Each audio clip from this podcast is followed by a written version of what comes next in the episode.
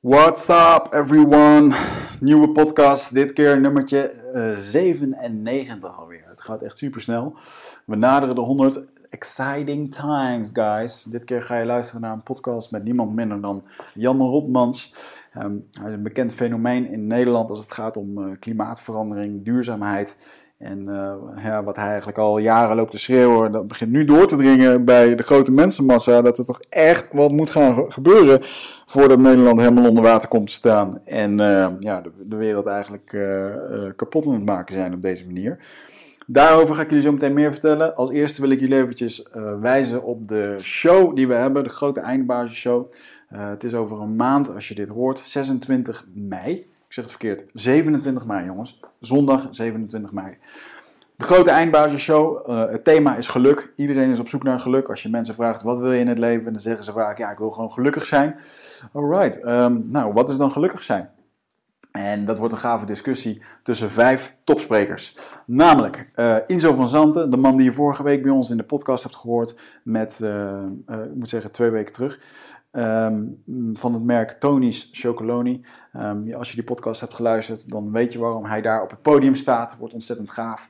Um, we gaan uh, met hem in discussie over wat is nou de combinatie van uh, chocola en geluk. Uh, ik kan jullie beloven dat heel veel chocola voor jullie zal zijn. En ik ben heel erg benieuwd naar zijn visie. Hij is een fijne kerel, hij kan goed spreken, dus dat wordt een mooie presentatie. Dan hebben we filosoof en cabaretier Paul Smit. En Paul Smit is een non-dualistische kijker op dit goedje. En uh, ja, dan zeggen we eigenlijk gewoon heel makkelijk, ja, helemaal leuk, maar geluk is gewoon iets wat ontstaat. Daar hoef je niks voor te doen. En ik ben benieuwd wat, wat voor discussie dat we gaan krijgen als we Paul tegenover Casper van der Meulen gaan zetten. Casper van der Meulen is een biohacker, ook bekend uit, ik dacht, podcast 66 bij Eindbazen. Ehm, daar hebben we het over gehad. En Paul, of Paul, Casper um, die heeft de afgelopen jaren duizenden uren geïnvesteerd in zelfontplooiing, zelfontwikkeling en vooral het leren kennen van het lichaam en het brein. En volgens hem zit daar een knop op die ervoor kan zorgen dat je meer geluk kan ervaren. Dan hebben we uh, Michel, mijn collega, die ook natuurlijk op het podium gaat staan. En die uh, zal een uh, gave, unieke presentatie doen, wat hij nog nooit eerder heeft gedaan. Ik weet dat hij er al weken mee bezig is. Dus dat wordt heel erg tof. Um, over hoe geluk maakbaar is. Hij zegt gewoon geluk kan je maken en kan je afdwingen. En that's it. Dus dat klinkt heerlijk lekker als Michel. Ik moet er altijd om lachen. Lekker simpel. Recht toe, recht aan. En science-based facts. Dat vindt hij mooi.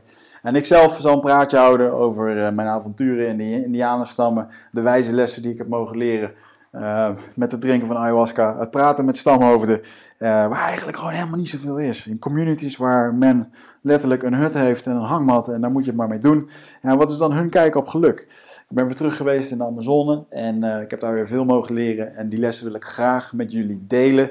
Um, en dat, dat, gaat lachen worden, kan ik jullie absoluut beloven. Dus 27 mei, kijk op de website op eindbazen.nl, klik op de grote eindbazenshow. En buy your tickets. Uh, het is minder dan een uh, goed uurtje coaching, een kaartje. En ik hoop dat je erbij bent. we gaan ook heel veel interactie doen met de fans, met de mensen die in het publiek zitten. Dus daar kijk ik, naar, kijk ik onwijs naar uit. Um, what else, what else, what else? Uh, ja, um, bij Nutrofit, daar uh, kan je terecht voor je supplementen. Nutrofit is het bedrijf van mij en Michel.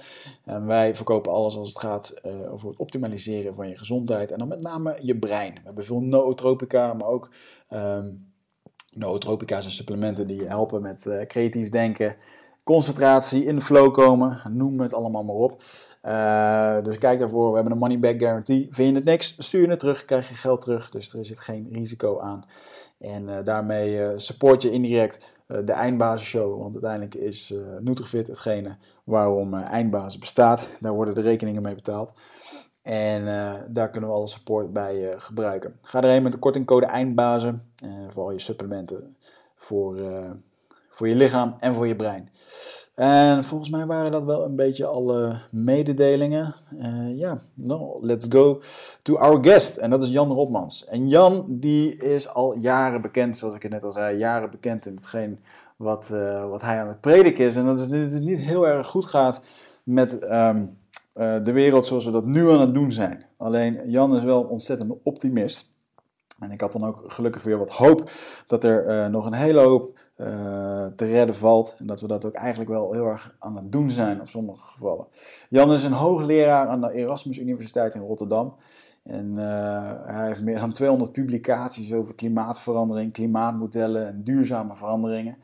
Uh, adviseert overal. En uh, het was een heel bijzonder gesprek om met Jan te spreken over waar hij 20 jaar geleden al over aan het spreken was. Waar hij gewoon wetenschappelijke kennis aan het droppen was. En waar hij later in de podcast, en ik kan je echt aanraden om deze podcast even te blijven kijken, die toch een bijzondere twist nam toen Jan een heel persoonlijk verhaal vertelde. Dat ons eigenlijk allemaal heel erg raakte. en daarom is Jan ehm, zoals hij dat zelf zei, een stuk succesvoller geworden met het spreken, omdat hij toch echt spreekt vanuit, vanuit zijn hart. Uh, hij heeft een hele bijzondere visie op de wereld en uh, over wat we hier allemaal aan het doen zijn. Dat kan hij heel erg mooi overbrengen. We zijn ook uiterst lang bezig geweest om Jan in de podcast te krijgen. Hij is een veelgevraagd spreker, erg druk bezet man. En ik ben ervan overtuigd dat we hem nog een keertje terug gaan vinden hier in de podcast. En joh, we hebben het over een variëteit van alles gehad. Wat, wat moet Nederland nu gaan doen om, om, om mee te helpen met klimaatverandering, tegen de klimaatverandering? Want laten we wel wezen, Nederland is echt een koploper in uh, ja, uh, vervuiling, de aardgas en dingen. En dat was iets wat, wat mij heel erg verbaasde, want ik had het idee dat Nederland toch wel heel erg vooruitstrevend was daarmee. En daar vertelt hij alles over. Hij vertelt ook hoe dat hij tegen is gewerkt door de grotere bedrijven door de jongens die hier niks van willen horen. En dat gaat dan tot aan bedreigingen toe. Dat, dat, ik, ik, stond echt met mijn oren te klapperen toen ik dat hoorde. Ehm, goed, ik heb genoeg gepraat. Geniet van deze podcast, jongens. En ehm, laat eventjes weten op social media wat jullie ervan vonden.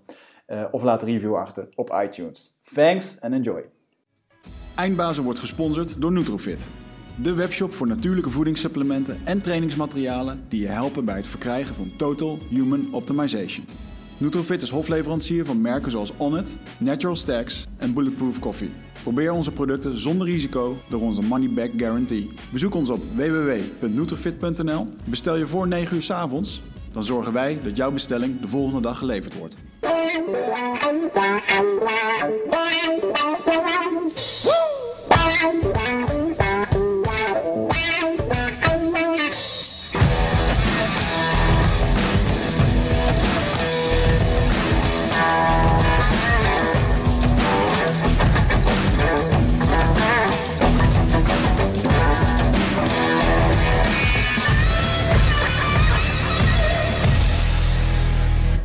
Wigert, heb je gehoord wat voor een uh, fantastisch weer er uh, volgend, uh, volgende week ah, aankomt? Ik las iets over de Russische beer komt hierheen, of de zwarte beer. Ik weet niet, het is een van de nieuwskop die ik voorbij zag komen. Oh, nou ik weet niet of dat te maken heeft met waar ik het over wilde hebben. Namelijk dat het weer even vies koud wordt. Ja, dat de komende periode. Ja.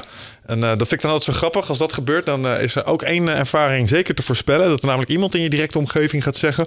Nou, doe mij toch maar global warming. want die kou, dat is allemaal maar niks. Maar dit komt door global warming. Ik hoorde iets over een ice age die er waarschijnlijk aankwam. Ergens in 2030 of zo. 2030. Ja, en zou Engeland mogelijk geraakt kunnen worden door een mini-ice age, las ik. Maar goed, het zijn weer van die onderwerpen. Um, klimaatverandering, global warming. Er is altijd een boel uh, verwarring over en uh, nog steeds een boel over te doen uh, in de wereld. En nou, ik blijf dat een onderwerp vinden dat belangrijk is en wat me ook raakt. En ik heb er ook vragen over. Dus het leek ons wel weer eens een leuk idee om daar eens wat meer de diepte over in te duiken. En deze keer met een daadwerkelijke hoogleraar op het gebied van ik hoorde het je net nog zeggen. Duurzaamheid, Duurzaamheid. en transities. Ja. Toen ik in mijn prep stond er Professor of Sustainability and Transitions. Ja. Klopt dat? Is dat Klopt. hetzelfde? Ja, duurzaamheid en transitie. Sustainability transitions. Ja. ja. Ik heb wel tien jaar klimaatonderzoek gedaan. Ik ben er ook op afgestudeerd en gepromoveerd. Maar na tien jaar had ik het wel gezien en toen ben ik wat breder gegaan richting duurzaamheid. Mm. En vooral de weg er naartoe, de transitie. Welke verandering moeten we nou doormaken om duurzamer te worden? Zo grappig, want toen wij drie jaar geleden begonnen, toen hadden wij een, een lijstje gemaakt met de verschillende onderwerpen. Daar stond jij op. Al drie jaar geleden. Ja, ja, als, in, als in van, nou, we moeten eens een keertje over duurzaamheid. ja, mag ook. Uh, als duurzaamheidsexpert of klimatoloog, uh, vooral over klimaatverandering. Ja. En uh, hoeveel hebben we er nu ondertussen gehad over klimaatverandering? Twee? En die ja. Eddie Mors? Nee, volgens mij alleen Eddie. Eentje. Nou, en het is links en rechts. Bijvoorbeeld met een Koert van Mensvoort. En bijvoorbeeld Marianne Thieme hebben natuurlijk de onderwerpen ook wel aangeraakt omdat het om gedrag gaat. En nou, we hadden Ja. het voor de podcast al eventjes over ehm, bijvoorbeeld de impact van vlees eten, ja of nee. Een van mijn favoriete onderwerpen hier, weten de vaste luisteraars. dus ehm, dus eh, we hebben het thema zeker al wel eens, een, eh, wel eens een paar keren geraakt. Maar je bent in dat opzicht, eh, als je met dit soort, eh, op dit soort thema's gaat zoeken in Nederland, in ieder geval eh, echt een autoriteit. Je weet hier een eh, boel dingen vanaf volgens mij. Dus ehm, aanknopingspunten genoeg voor ons om in ieder geval eens, eh, met je in gesprek te willen gaan over wat dingen. En wat ik altijd wel interessant vind van mensen die echt met de thematiek bezig zijn, is eh, wat zijn nu op dit moment dingen in je werkveld, als het gaat om dit soort duurzaamheid, klimaatverandering en zo, waar jullie mee bezig zijn, waarvan je denkt van dit is actueel voor ons momenteel. Het meest actuele thema waar ik nu mee bezig ben is de energietransitie. Daar ben ik eigenlijk al 25 jaar mee bezig. Eh, en dat is nu heel actueel omdat het onder de huid van mensen komt. En het is heel actueel omdat we van het gas af moeten. Ja, dat roep ik dus al heel lang. En tien jaar geleden heb ik daar nog een rapport over geschreven. Hoe kunnen wij van het gas afkomen, met name in de huizen en de gebouwen. Eh, in opdracht van het ministerie van Vrom, wat je toen nog had. En die zeiden, ja, we kunnen echt niet zo snel van het gas af. Dus dit, bureau- dit, dit, dit eh, rapport verdwijnt in de onderste bureau. En in tien jaar tijd is dat helemaal omgeklapt. Ja. Van gas als oplossing naar gas als probleem. En daar hebben de aardbevingen in Groningen veel mee te maken. Eh, het speelt natuurlijk al lang, het zit dieper, maar incidenten en calamiteiten helpen altijd transities. Dus in die zin, cynisch gesproken, zijn we daar wel blij mee. Het is natuurlijk een ramp voor de mensen in Groningen, waar ik ook vaak kom. Maar iedereen heeft het ineens over de energietransitie. Mark Rutte noemt het cool en eh, hip. Het is natuurlijk helemaal niet cool en hip, want het, het is hoog nodig. Het gaat heel veel geld kosten. Zo'n 150 miljard de komende 25 jaar. Maar het gaat ook heel veel alleen voor Nederland al.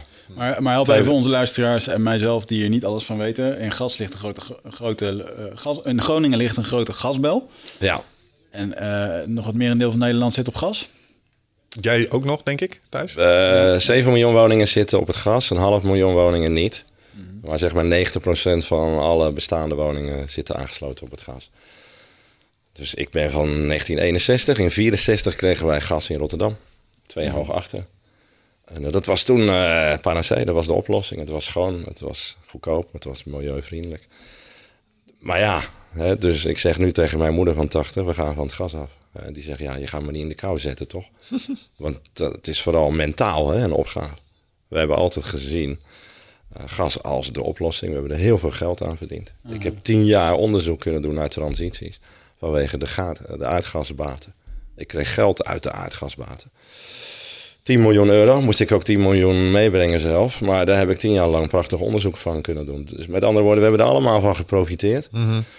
En eh, nu moeten we er in 20 jaar afscheid van nemen. Nou, iedereen krijgt daarmee te maken, jullie ook. Ja. Eh, nou, we weten technisch al hoe we dat kunnen doen hè, in bestaande woningen. Dus technisch kan het wel, maar we hebben tot nu toe 2000 bestaande woningen gedaan in vijf jaar. Eh, nu moeten we de 7 miljoen in 20 jaar gaan doen. Nou, dat is ongeveer 1500 per dag. Wauw. 1500 per dag. Elke dag weer. En eh, nou, dat kost in totaal hè, eh, 150 miljard. Ehm, maar goed, dan heb je een combinatie van, eh, van het gas af en digitaliseren. We gaan de huizen ook gelijk slimmer maken.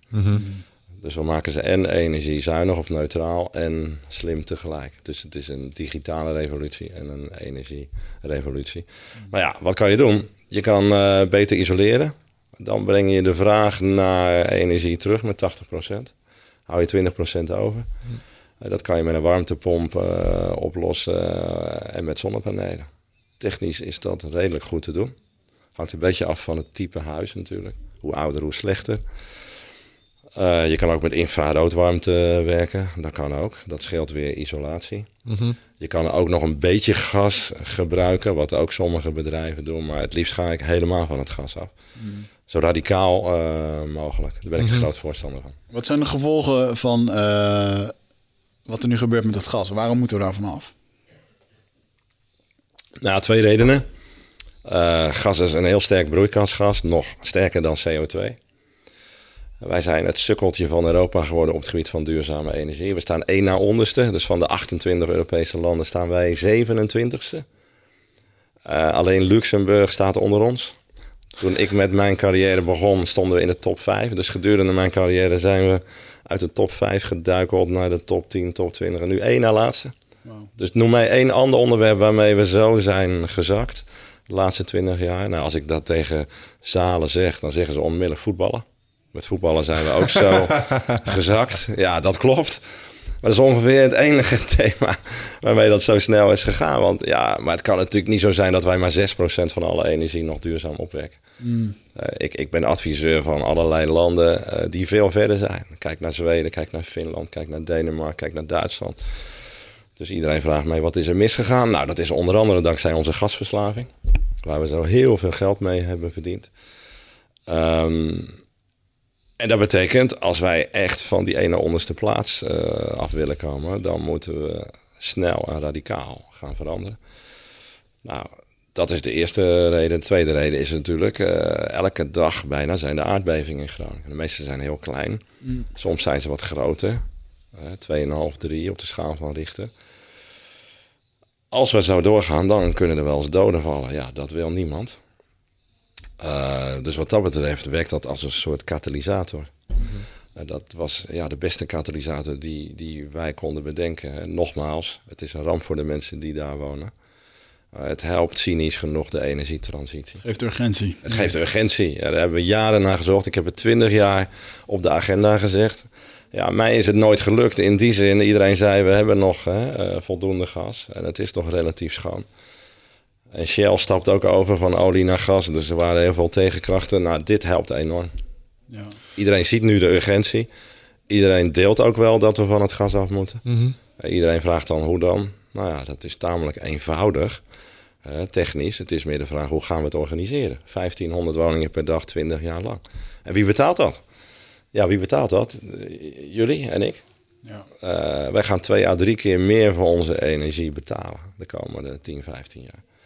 Daarna wordt het een stuk goedkoper, maar we moeten eerst flink investeren. Ja. En dan moet je je voorstellen, jullie huis wordt op den duur een kleine energiecentrale. Mm Dus je gaat uh, energie opwekken met zonnepanelen. Over 10, 15 jaar heb je kleine windmolentjes op je dak. Uh, dan ga je die energie die je over hebt zomers, die ga je uh, bewaren in, in cellen, hè, accu's, batterijen. Batterijen. Je kan ja, het de ook, Tesla-batterijen. Je kan het ook. Ja, Tesla ontwikkelt nu batterijen, ook voor huizen. Je kan ook een auto gebruiken als accu. En dan heb je een slimme oplaadpaal. Dat heb je nu in Lombok in Utrecht. Dus dan kan je je auto opladen, maar ook leegladen.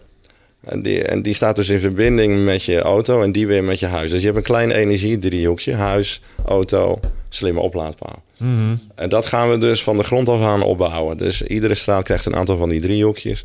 Iedere wijk een aantal van die nou ja, optel driehoekjes. En zo gaan we het, dat noem ik een cascade van energieniveaus. We zijn ooit begonnen om het andersom te doen in de 19e eeuw. Top-down, centraal opwekken, centraal distribueren. Waarom zou je je auto leeg laten lopen? Nou ja, dan kan je die energie weer aan je huis overhevelen. Ja, ja. En andersom.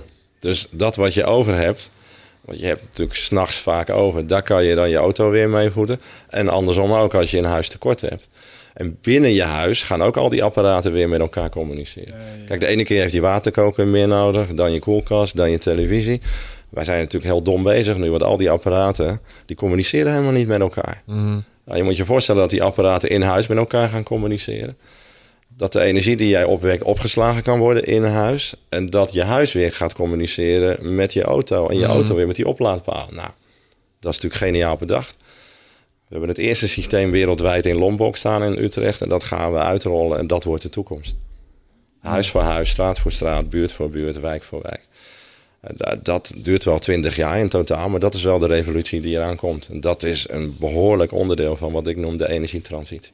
Je bent best wel positief gestemd als ik jou zo hoor. Ja, ik ben en blijf positief. Je krijgt mij niet cynisch. Dat probeert iedereen wel.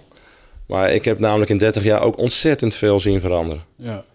Dus als ik hier 30 jaar geleden had gezeten, dan had ik eerst moeten uitleggen wat klimaatverandering is. Niemand zag het toen. Uh, en dan begon ik over de energietransitie en haakte mensen af. Dan zeiden ze, hoezo, energietransitie? De, we hebben toch voor honderden jaren nog kolen, olie en gas. Waar heb je het over? Mhm. Dus dan stond ik voor uh, zaaltjes van tien mensen. En uh, na tien minuten liepen de mensen weg van... nou ja, die man die sport niet helemaal. Dus ja... Dat lijkt me frustrerend. Ja, dan ben je wel tamelijk alleen. Ja, dus ik heb wel getwijfeld. Ben ik nou zo gek of heb ik het nou echt bij het verkeerde eind? Ja. Nou ja, langzamerhand zie je dat schuiven, zie je dat kantelen. En dan tien jaar leg je uit waarom het nodig is, tien jaar wat het is en nu tien jaar hoe dan. Mm. Uh, op zijn Lubachiaans. Dus ik heb heel veel zien veranderen. Uh, de tijd is er nu al rijp voor en dan kan het snel gaan. Zijn er trouwens momenten geweest in, in die afgelopen tien jaar dat je jezelf echt als een roepende in de woestijn hebt gevoeld? En je dacht, nou, weet je wat, Oh ja, tientallen keren. Stik er dan ook maar in. Ja, nee, dan, dan, ga je huilend naar bed en denk je, ja, dit heeft ook geen zin. Dit schiet niet op. Nee. Uh, ze willen niet luisteren, ze zien het niet. Of je denkt, misschien zie ik het wel verkeerd. Ja. Uh, toen ik afstudeerde op klimaatverandering, heette het ook niet zo. Het heette het CO2-probleem. En ik had een computermodel gemaakt toen, uh, IMAGE, Integrated Model to Assess the Greenhouse Effect. Dat was een van de allereerste integrale klimaatmodellen ter wereld. Wist ik ook niet toen ik eraan begon als wiskundige. Maar goed, ik moest iets doen met het simuleren van het smelten van de ijskappen en het mechanisme van thermische opwarming in de oceaan en de drie reservoirs die CO2 uitwisselen hè, tussen de oceaan, de atmosfeer en de terrestrische biota. Dat ben ik gewoon gaan doen. En toen mocht ik erop afstuderen en uh, nou ja, dat viel goed en toen ben ik ermee doorgegaan. Maar de mensen om me heen raadden het mij af. Die zeiden, ja, het is te onzeker, het is te complex. Alles stond in tekenen van de verzuring toen, in de jaren mm. 80. Ja, ik kan me nog herinneren, zure regen. Zure regen. En daar hadden ze wel computermodellen voor, die vonden ze iets betrouwbaarder. Maar ja, als mensen tegen mij zeggen, je moet er uh, mee stoppen, dan denk ik, dan ga ik ermee door. Zo zit ik wel in elkaar. dus ik zeg nu ook hè, bij mijn lezingen, als mensen uh, tegen jou zeggen, hè, uh, je hebt een idee. En ze zeggen, stop er maar mee, dan zou ik ermee doorgaan. Maar als mensen in je omgeving zeggen, ja, daar zie ik wat in dan zou ik ermee stoppen, dat idee. Dat is wel grappig, ja. Dat is iets wat we hier ook wel eens zeggen. Op het moment dat, dat niemand zeg maar boos wordt om wat je doet, raak je ook niet echt iets. Ben je ook geen golven aan het creëren. Dus dan moet je afvragen of je op het juiste past. Maar als mensen pissig beginnen te worden, dan raak je iets. En dan zit je, zit je ergens ja. tegenaan. Ja. Ja, ik heb tien jaar lang uh, geen weerstand ondervonden. Want iedereen dacht, ja, wat is die man nou aan het doen? En daarna uh, zagen mensen, kreeg ik ook meer weerstand. Dus ik zeg, je moet genieten van de weerstand. Mm. Als je geen weerstand hebt, heb je geen contact, geen resonantie. Mm. Dan ben je pas echt alleen. Dus toen ik promoveerde, vier jaar later, in 1990 was het ook controversieel. Dus ik kreeg geen cum laude van mijn promotiecommissie. Hmm. Omdat ze zeiden, ja, misschien blijkt wel over 25 jaar... dat u fascinerend onderzoek hebt gedaan naar een probleem wat niet bestaat. Help even uh, mij en misschien ook een paar luisteraars. Wat betekent het precies als je cum laude uh, je promotie doet? Nou ja, dan uh, promoveer je met lof. Dus dat, dat is de hoogste graad van een promotie. Dus dan, dan, dan ben je excellent. Een 9 of een 10. Ja. En ze vonden het eigenlijk wel, maar het kon niet. Want ja, wat ik al zei, misschien blijkt dan wel later dat het een non-existent probleem is. En toen heb ik gewet om mijn eerste fles uh, whisky. En uh, die heb ik gewonnen. Die heb ik vier jaar geleden geïnd. Uh, en ik heb nu mijn hele kelder vol staan met flessen whisky. Maar zeg, was het een goede fles? Ja, ik hou alleen van single malt, dus dat zijn goede flessen whisky. Ik heb er nu 60 staan in mijn uh, kelder. Oh shit.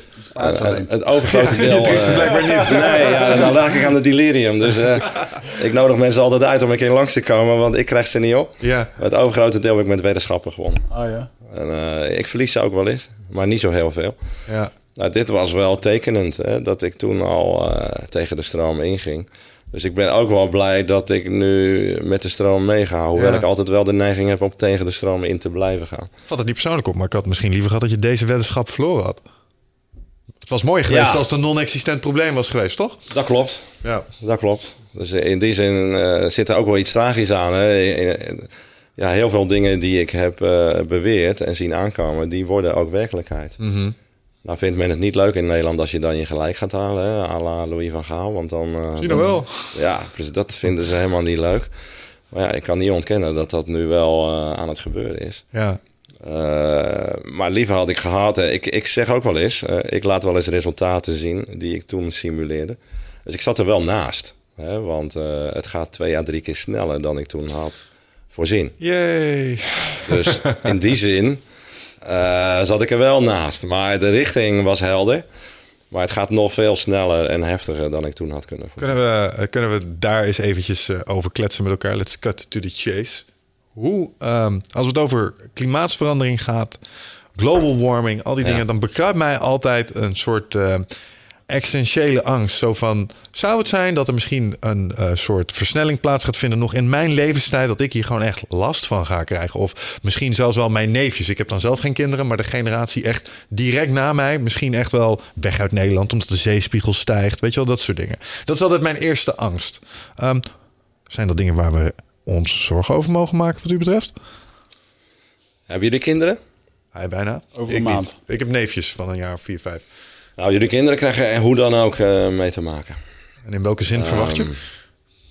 Kijk, als ik even terugga naar de kern. Hè. Uh, het staat vast dat wij als mensen het klimaat aan het veranderen zijn. Uh, ondanks alle onzin die daar in de media over wordt gespuit. Hè, maar binnen de klimaatwetenschap is er eenstemmigheid en duidelijkheid. dus wij zeggen, er is voor 95% zekerheid. Toen ik begon was er voor 90% zekerheid. Over 20 jaar hebben we voor 100% zekerheid.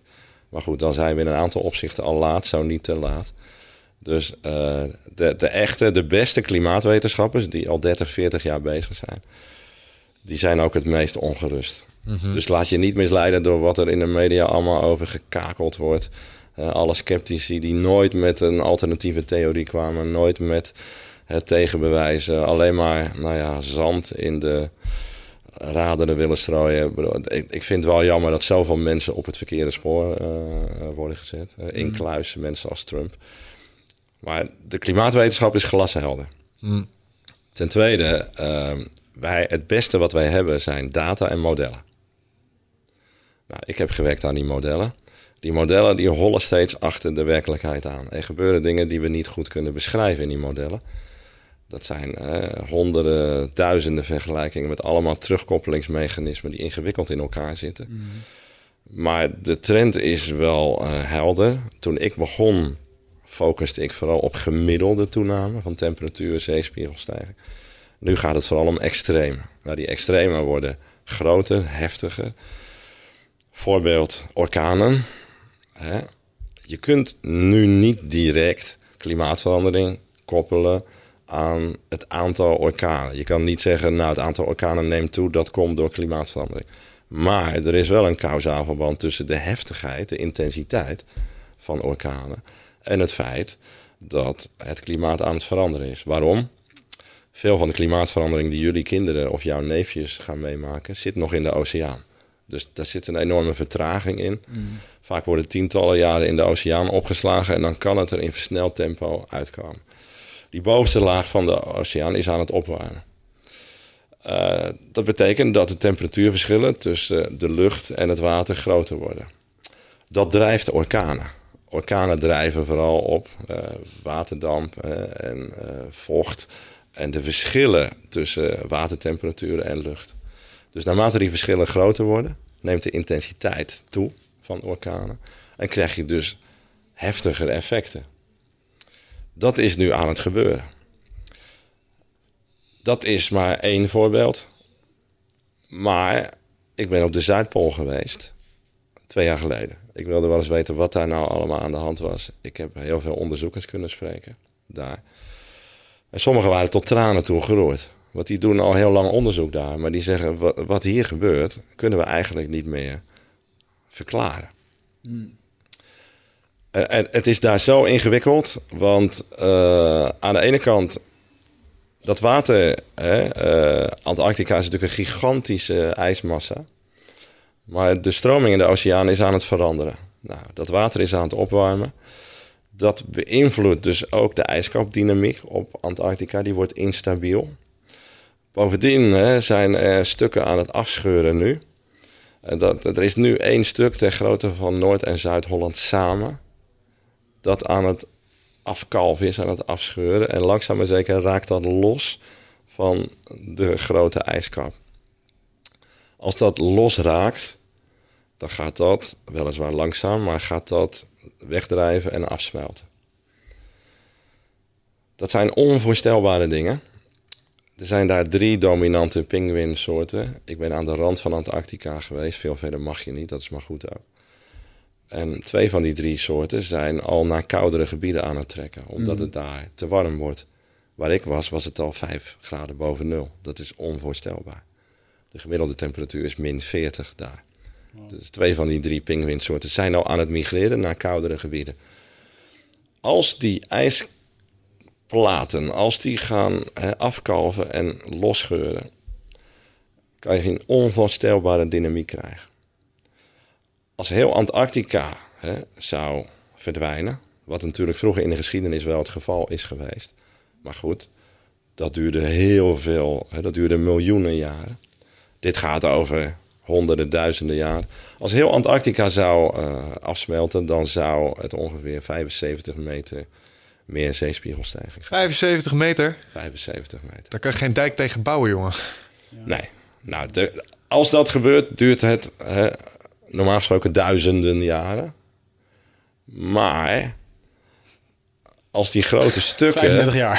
50 jaar, go! als die grote stukken hè, gaan losraken, dan kan het natuurlijk in versneld tempo gaan. En wat we op de Noordpool zien, Groenland met name, dat is dat er wel extreme afsmelting plaatsvindt. Als dat afsmelt, hebben we het over 5 meter zeespiegelstijging. Wauw. Wij, ik heb vorige week nog een lezing meegemaakt van eh, een deskundige van het KNMI. Wel grappig, toen ik mijn eerste model op het KNMI presenteerde, 30 jaar geleden, geloofde het KNMI er ook niet in. Die zeiden, het weer is al moeilijk te voorspellen, laat staan klimaat. Dus je stapelt onzekerheden. Nu zitten ze helemaal op die klimaattoer. Maar hij liet zien dat eh, wat we kunnen verwachten eh, tot 2100. Nou, als jouw kind wordt geboren, die maakt 2100 mee. Ja, Daar kun je vanuit gaan. Mhm. Die heeft een levensduur van een jaar of 90, 100. sowieso een superbaby. Gemiddeld. 2100. Kunnen wij 1 meter zeespiegelstijging verwachten in Nederland? Maar er is een kans op 2 à 3 meter. 2 à 3 meter in 2100. Dat betekent de totale herziening van de deltawerk. Dat betekent, eh, als Nederland kunnen we dat wel handelen, want wij maken daar een industrie van. Ja. Maar je zal maar op de Malediven wonen, weg, in hè? Thailand, in Bangladesh.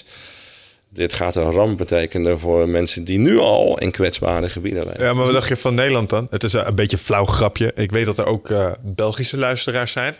Shout-out naar Jelle, onze grootste Belgische fan. maar als je het hebt over de waterwerken, dan is het het flauwe grapje dat ik nog wel eens maak. Ja, wij Nederlanders zijn wel redelijk handig in de dijken. Maar we hebben ook nog zoiets, de kust loopt door naar het zuiden. En daar heb je België en Frankrijk. En die moeten soortgelijke waterwerken gaan aanleggen. Want anders Ja. komt het gewoon weer de grens naar binnen Ja. lopen. Nee, dat Eh, klopt. Maar dat is erg cultureel bepaald. Wij zijn gewend om ons te beschermen en te verdedigen tegen het water. We hebben het beste waterverdedigingssysteem ter wereld gebouwd. Ik was in november in New Orleans. Ik heb daar gekeken naar de gevolgen van Katrina. Ja. En uh, daar hebben ze nog steeds de verdediging niet op orde. Ja. Ze zijn erg bezig met de verzekering. Dus wat gebeurt er als het nog een keer gebeurt? Zijn we dan verzekerd? Daar worden allerlei contracten over getekend. Maar ze hebben geen plan B. Verzekerd in financiële en, zin bedoel je? Ja. Niet in termen van fysieke zin. veiligheid? Nee, maar oh. wel als het gebeurt. Dat is typisch Amerikaans. Dan worden we wel schadeloos gesteld.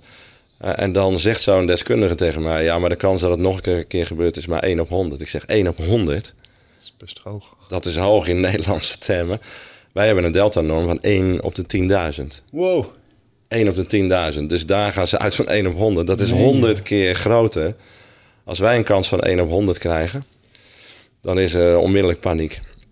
Als die zeespiegel gaat stijgen met 2 à 3 meter... dan gaan wij naar 1 op 50, 1 op 100. Die kans dan, dan gaan we het totaal op zijn kop zetten. Dan moeten alle dijken worden aangepakt.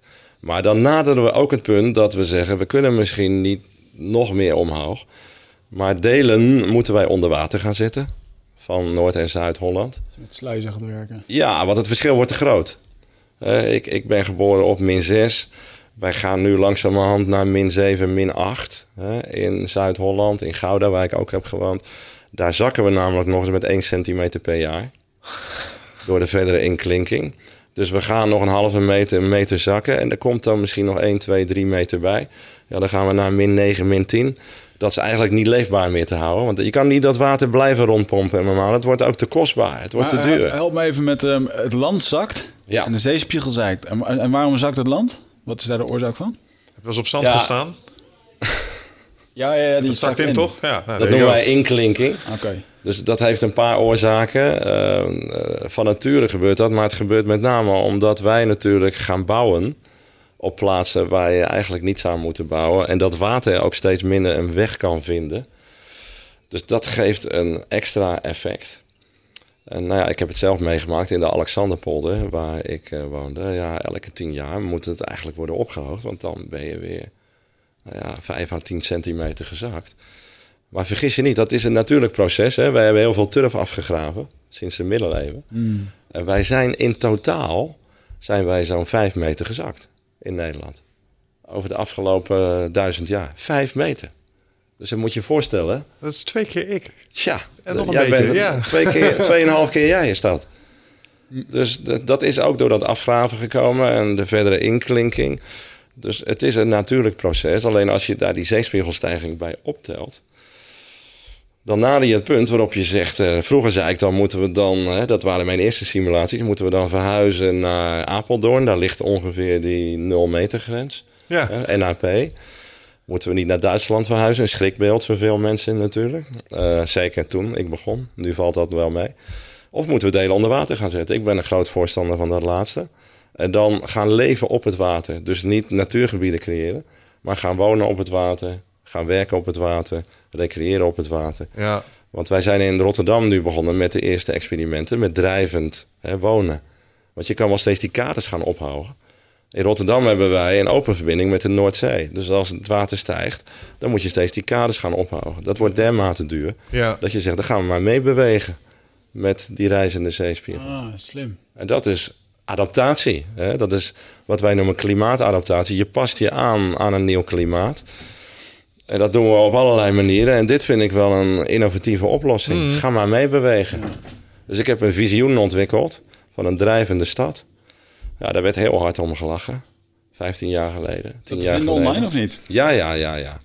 Als je uh, drijvende stad en Jan Rotmans googelt, dan vind je onmiddellijk. Uh, ik vind het niet eens zo'n gek idee. Sterker nog, in sommige uh, werelddelen heb je, heb je hele uh, districten. Bijvoorbeeld Hongkong moet ik altijd denken. heb je ook zo'n heel districte water. Volgens mij is een soort markt. Ah, ja. En dat is, ik bedoel, dat is natuurlijk heel primitief bijna. Maar dit zou je ook voor een stad kunnen doen. Daarnaast hebben floating denken, markets hè, in Bangkok. Maar, maar het, is, het is vooral, eh, daar, daar, heb je het weer. Het is vooral een mentaal probleem. Ja. Het ziet er mooi uit. Het ziet een beetje uit als Atlantis. Dit is het toch? Ja, dit is het. Oh, nice. Ja. Kijkers, kijk maar even op mijn camera mee. Dan, uh... Er is ook een eh, bureau uh, in Delft hè, uh, van slimme jongens die afgestudeerd zijn aan de TU. En die zijn alleen maar bezig met dit soort ontwerpen. Die hebben dit ook ontworpen. Dus die, die, over de hele wereld zijn ze bezig met drijvende bouwen te propageren. en het leuke is, het mentale probleem is... wij hebben altijd van jongs af aan geleerd... je moet je beschermen tegen het water. Dus water is van nature onze vijand. Mm maar als je erop gaat wonen en leven en werken en recreëren, dan moet je je anders gaan verhouden tot het water. Dat wordt dan je partner, je metgezel. Dus de grootste opgave voor dit soort transities zit tussen onze oren. Bovendien, ik bedenk me nu net, als je een drijvende stad hebt en je maakt onder zo'n stad, maak je op de bodem, zeg maar, onderaan je stad vast propellers vast, heb je ook een energieprobleem getackeld. Want je kan een soort dynamo onderaan je stad plots waar water onder doorstroomt. Dus dat ding wordt helemaal autonoom. je kan gebruik maken van de dynamiek van het water, de stroming. En dat is dan ook het idee. Dat is vrij makkelijk energie-neutraal of zelfs leverend te maken. Ja. En je kan zelfs uh, energie opslaan in dat water. Je kan allerlei uh, dingen doen. Uh, daarom wilde ik ook graag hè, het nieuwe Feyenoordstadion aan het water. Want dan kan je gebruik maken van het Maaswater om het te koelen bijvoorbeeld. Oh. En, en, dus er zijn allerlei slimme trucs om met energie uit water om te gaan. We, we gaan nu ook naar getijden, hè, energie. Dus dan kan je de getijdenverschillen uitdrukken in energie en die op die manier gebruiken. Mhm. Dan heb je eigenlijk wel minimaal uh, drie, vier, vijf meter nodig. Maar goed, er zijn al experimenten bij het IJsselmeer in uh, Zeeland. En dat wordt ook een van de nieuwe manieren om energie op te wekken. Ja. Maar dat, dat, dat water, dat wordt cruciaal in Nederland. Dus ik stond vorige week nog een lezing te geven voor uh, het waterschap in Noord-Holland. Daar in Heer Hugo Waard. En daar heb ik het over gehad. Van uh, oké, jullie hebben altijd het water beschermd. Uh, tenminste, ons beschermd tegen het water. Hebben jullie goed gedaan. Jullie zijn altijd verdedigers geweest. Nu moeten we het water gaan toelaten. Jullie moeten aanvallers worden. Proactief gaan meedenken. Hmm. En we gaan delen onder water zetten. Ja, dat is bijna vloeken in de kerk. Maar één voorbeeld, hè. boeren hebben steeds meer last van de verzilting. Die kwel die komt gewoon van onder hè, de grond naar boven. En die komt onder de dijken door, zijpelt daar doorheen. Ja. Dus hè, seepage in het Engels. Dus die kwel, dat wordt steeds meer een probleem voor de landbouw. Hoe hou je dat droog? Ja. Nou ja, op een gegeven moment gaat dat niet meer. Heb ik gezegd, maak dan van het nadeel een voordeel. Dan ga je uh, zilte producten maken. Dus zilte broccoli, zilte zeekool, zilte zeekraal. Oh. En, uh, ja, dat is, nu, een manier, ja. Dat, ja, dan, dat is nu een delicatesse. Dus er zijn mensen in Texel die doen dat al. Hè, de, de vader van, uh, van Rijsselbergen, die uh, surfkampioen, die doet dat al jaren. En die levert dat aan een aantal toprestaurants. Maar ik denk over enige tientallen jaren dat heel veel mensen dat gaan eten. Mm. Kun je anders bekrijgen. ja, het is gezond, het is lekker. Ik heb het ook geproefd. Hè. Maar dan maak je van je nadeel je voordeel. Dan maar overschakelen op zilte landbouw voor een deel. Wow. Nou, toen ik dat voor het eerst voorstelde, mensen werden woedend. Dat heb ik vaak gehad, dat mensen boos werden. Maar wie werden er woedend? LTO. LTO zei, je neemt onze boterham af. Ik zei, nee, ik denk alleen na over jullie boterham in de toekomst. Nou, nu geven ze gewoon schoorvoeten toe dat daar een markt voor is. Mm. Langzaamaan moeten we wennen. Dus heel veel mensen zitten hier vast en worden dan boos als je dingen roept. Mm -hmm. Nou, daar ben ik aan gewend geraakt. Dus ik vind het eigenlijk een compliment. Als mensen niet boos worden, denk ik, hé, hey, dan is het niet radicaal genoeg blijkbaar. Uh, maar dat, dat gaat er dus gebeuren. Mm. En dat lost een uh, ongelooflijk. Uh, het is een ongelooflijk handige oplossing voor een ander probleem. Namelijk iets wat volgens mij ook drijvend is achter climate change. Toename in bijvoorbeeld bevolking. Hè, bevolkingsgroei. Ja. Je, je hebt, eh, als je de zee. Ik bedoel, je hoort mensen wel eens praten over. Ja, als gevolg van klimaatsverandering. hebben we hier plots een drinkwaterprobleem. En ik heb stand-up comedians zo gezegd, is dat zo? Want kijk eens naar de aarde op afstand. Die planeet is blauw. Ik bedoel, we hebben geen, we hebben geen waterprobleem, we hebben een zoutprobleem. En dat is anders. Dus je kan groepen die nu in gebieden leven met bijvoorbeeld weinig water of slechte woonruimte, zou je op zo'n manier ook gewoon een plek kunnen geven om te wonen. Met genoeg water, et cetera, et cetera. Ja, water is vooral een verdelingsprobleem, net als voedsel overigens. Mm. Uh, water is voor het overgrote deel zout. Uh, je kan het ook onzilten wat bijvoorbeeld Israël doet. Maar het is duur.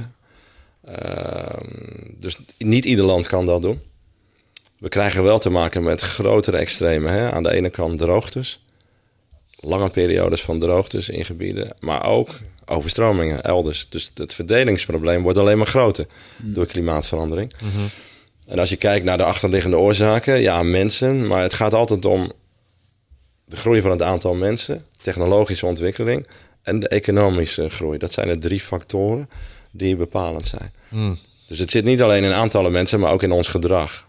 Hè? Het zit in technologie, het zit in ons gedrag en het zit in aantallen mensen. Dus wat dat betreft eh, zal daar wel een grote gedragsverandering moeten plaatsvinden.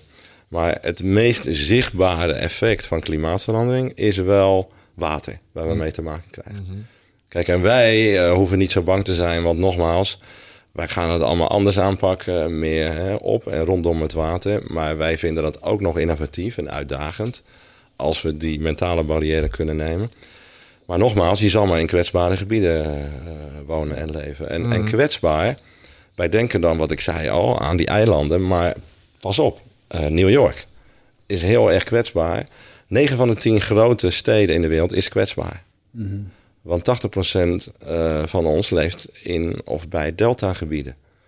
En juist de deltagebieden zijn heel kwetsbaar voor die extreme klimaateffecten. Dus de grote steden gaan zich nu ernstig zorgen maken. Daarom heeft New York ook een rechtszaak aangespannen tegen de grote oliemaatschappijen. Omdat die zeggen, jullie wisten ervan. Jullie hebben tientallen jaren uh, olie aan ons verkocht en kolen. En, en, en nu ja, moeten wij op de bladen zitten. Wij als steden ondervinden nu de nadelen. En uh, nou ja, het is jullie schuld. Ja, dat helpt natuurlijk niet echt, want uh, die oliemaatschappijen hebben de beste juridische afdelingen ter wereld. Mm. En middelen. En middelen, dus die, die rechtszaken duren jaren. Maar het tekent wel uh, de kanteling die plaatsvindt. Hmm. En die steden zijn daar echt beducht voor. En daar kan ik me ook wel voorstellen wat ik zei. Als je nu naar New Orleans gaat, dan slaat de schrikje om het hart. En, en dan kan je je afvragen, moeten mensen daar nog wel willen gaan wonen? Heb jij wel eens een boze brief gehad van een oliemaatschappij? Ja, ja. Nou, sterker nog, ze, de, ze hebben jaren aan allerlei kanten mij geprobeerd tegen te werken. In de begintijd heb ik nog uh, materiaal ontwikkeld voor middelbare scholen met Shell. Toen ik pas begon. Omdat Shell ook wel zag dat zij daar een rol in hadden. Dus dan hebben we samen boekjes gemaakt. En dat is ook jaren gebruikt op HAVO, VWO. Maar daarna zijn ze de weg kwijtgeraakt en zijn ze zich veel harder gaan opstellen. En um, ja, ze hebben bijvoorbeeld uh, ooit een, een soort Twitter-account gemaakt namens Shell, waarbij elke uitspraak die ik deed, werd in twijfel getrokken. Op Twitter. Half jaar lang, totdat ze werden overspoeld door mensen zeg maar, uit het kamp van, nou ja, laat ik zeggen, de, de mensen die zagen wat er aan de hand was. Ja. En toen hebben ze het opgeheven. maar op allerlei manieren ben ik zwart gemaakt overdrachtelijk dan en tegengewerkt. Ja, ik heb jarenlang geen opdrachten gekregen, omdat mensen zeiden van uh, die man mag geen opdrachten krijgen. Ja. Die werkt ons tegen. Ja. Ik ben bedreigd. Uh, alles wat je kan verzinnen, dat is gebeurd. Hoe ben je bedreigd? Vertel eens iets meer. Nou ja, op verschillende manieren. er zijn mensen die hebben gedreigd om mijn huis in de fik te steken. dus ja, ik, ik lig daar niet wakker van. Ik ben laconiek. Uh, mijn vrouw vindt het minder leuk en de kinderen. Dit waren mensen die wisten waar ik woonde. Ik ben een tijd achtervolgd door iemand die in elke zaal waar ik een lezing uh, hield opsprong en zei: Alles wat deze man beweert is onzin. Uh, wat zijn dat voor figuren? Nou, als je uitgesproken bent zoals ik en je neemt stelling en je gaat tegen de stroom in, dan trek je dat soort figuren aan. Hmm. En uh, die gaan zich identificeren met jou. En jij wordt dan of een held of je wordt een soort ultieme vijand. En dat zijn natuurlijk ook vaak mensen met een persoonlijkheidsstoornis. Mm -hmm.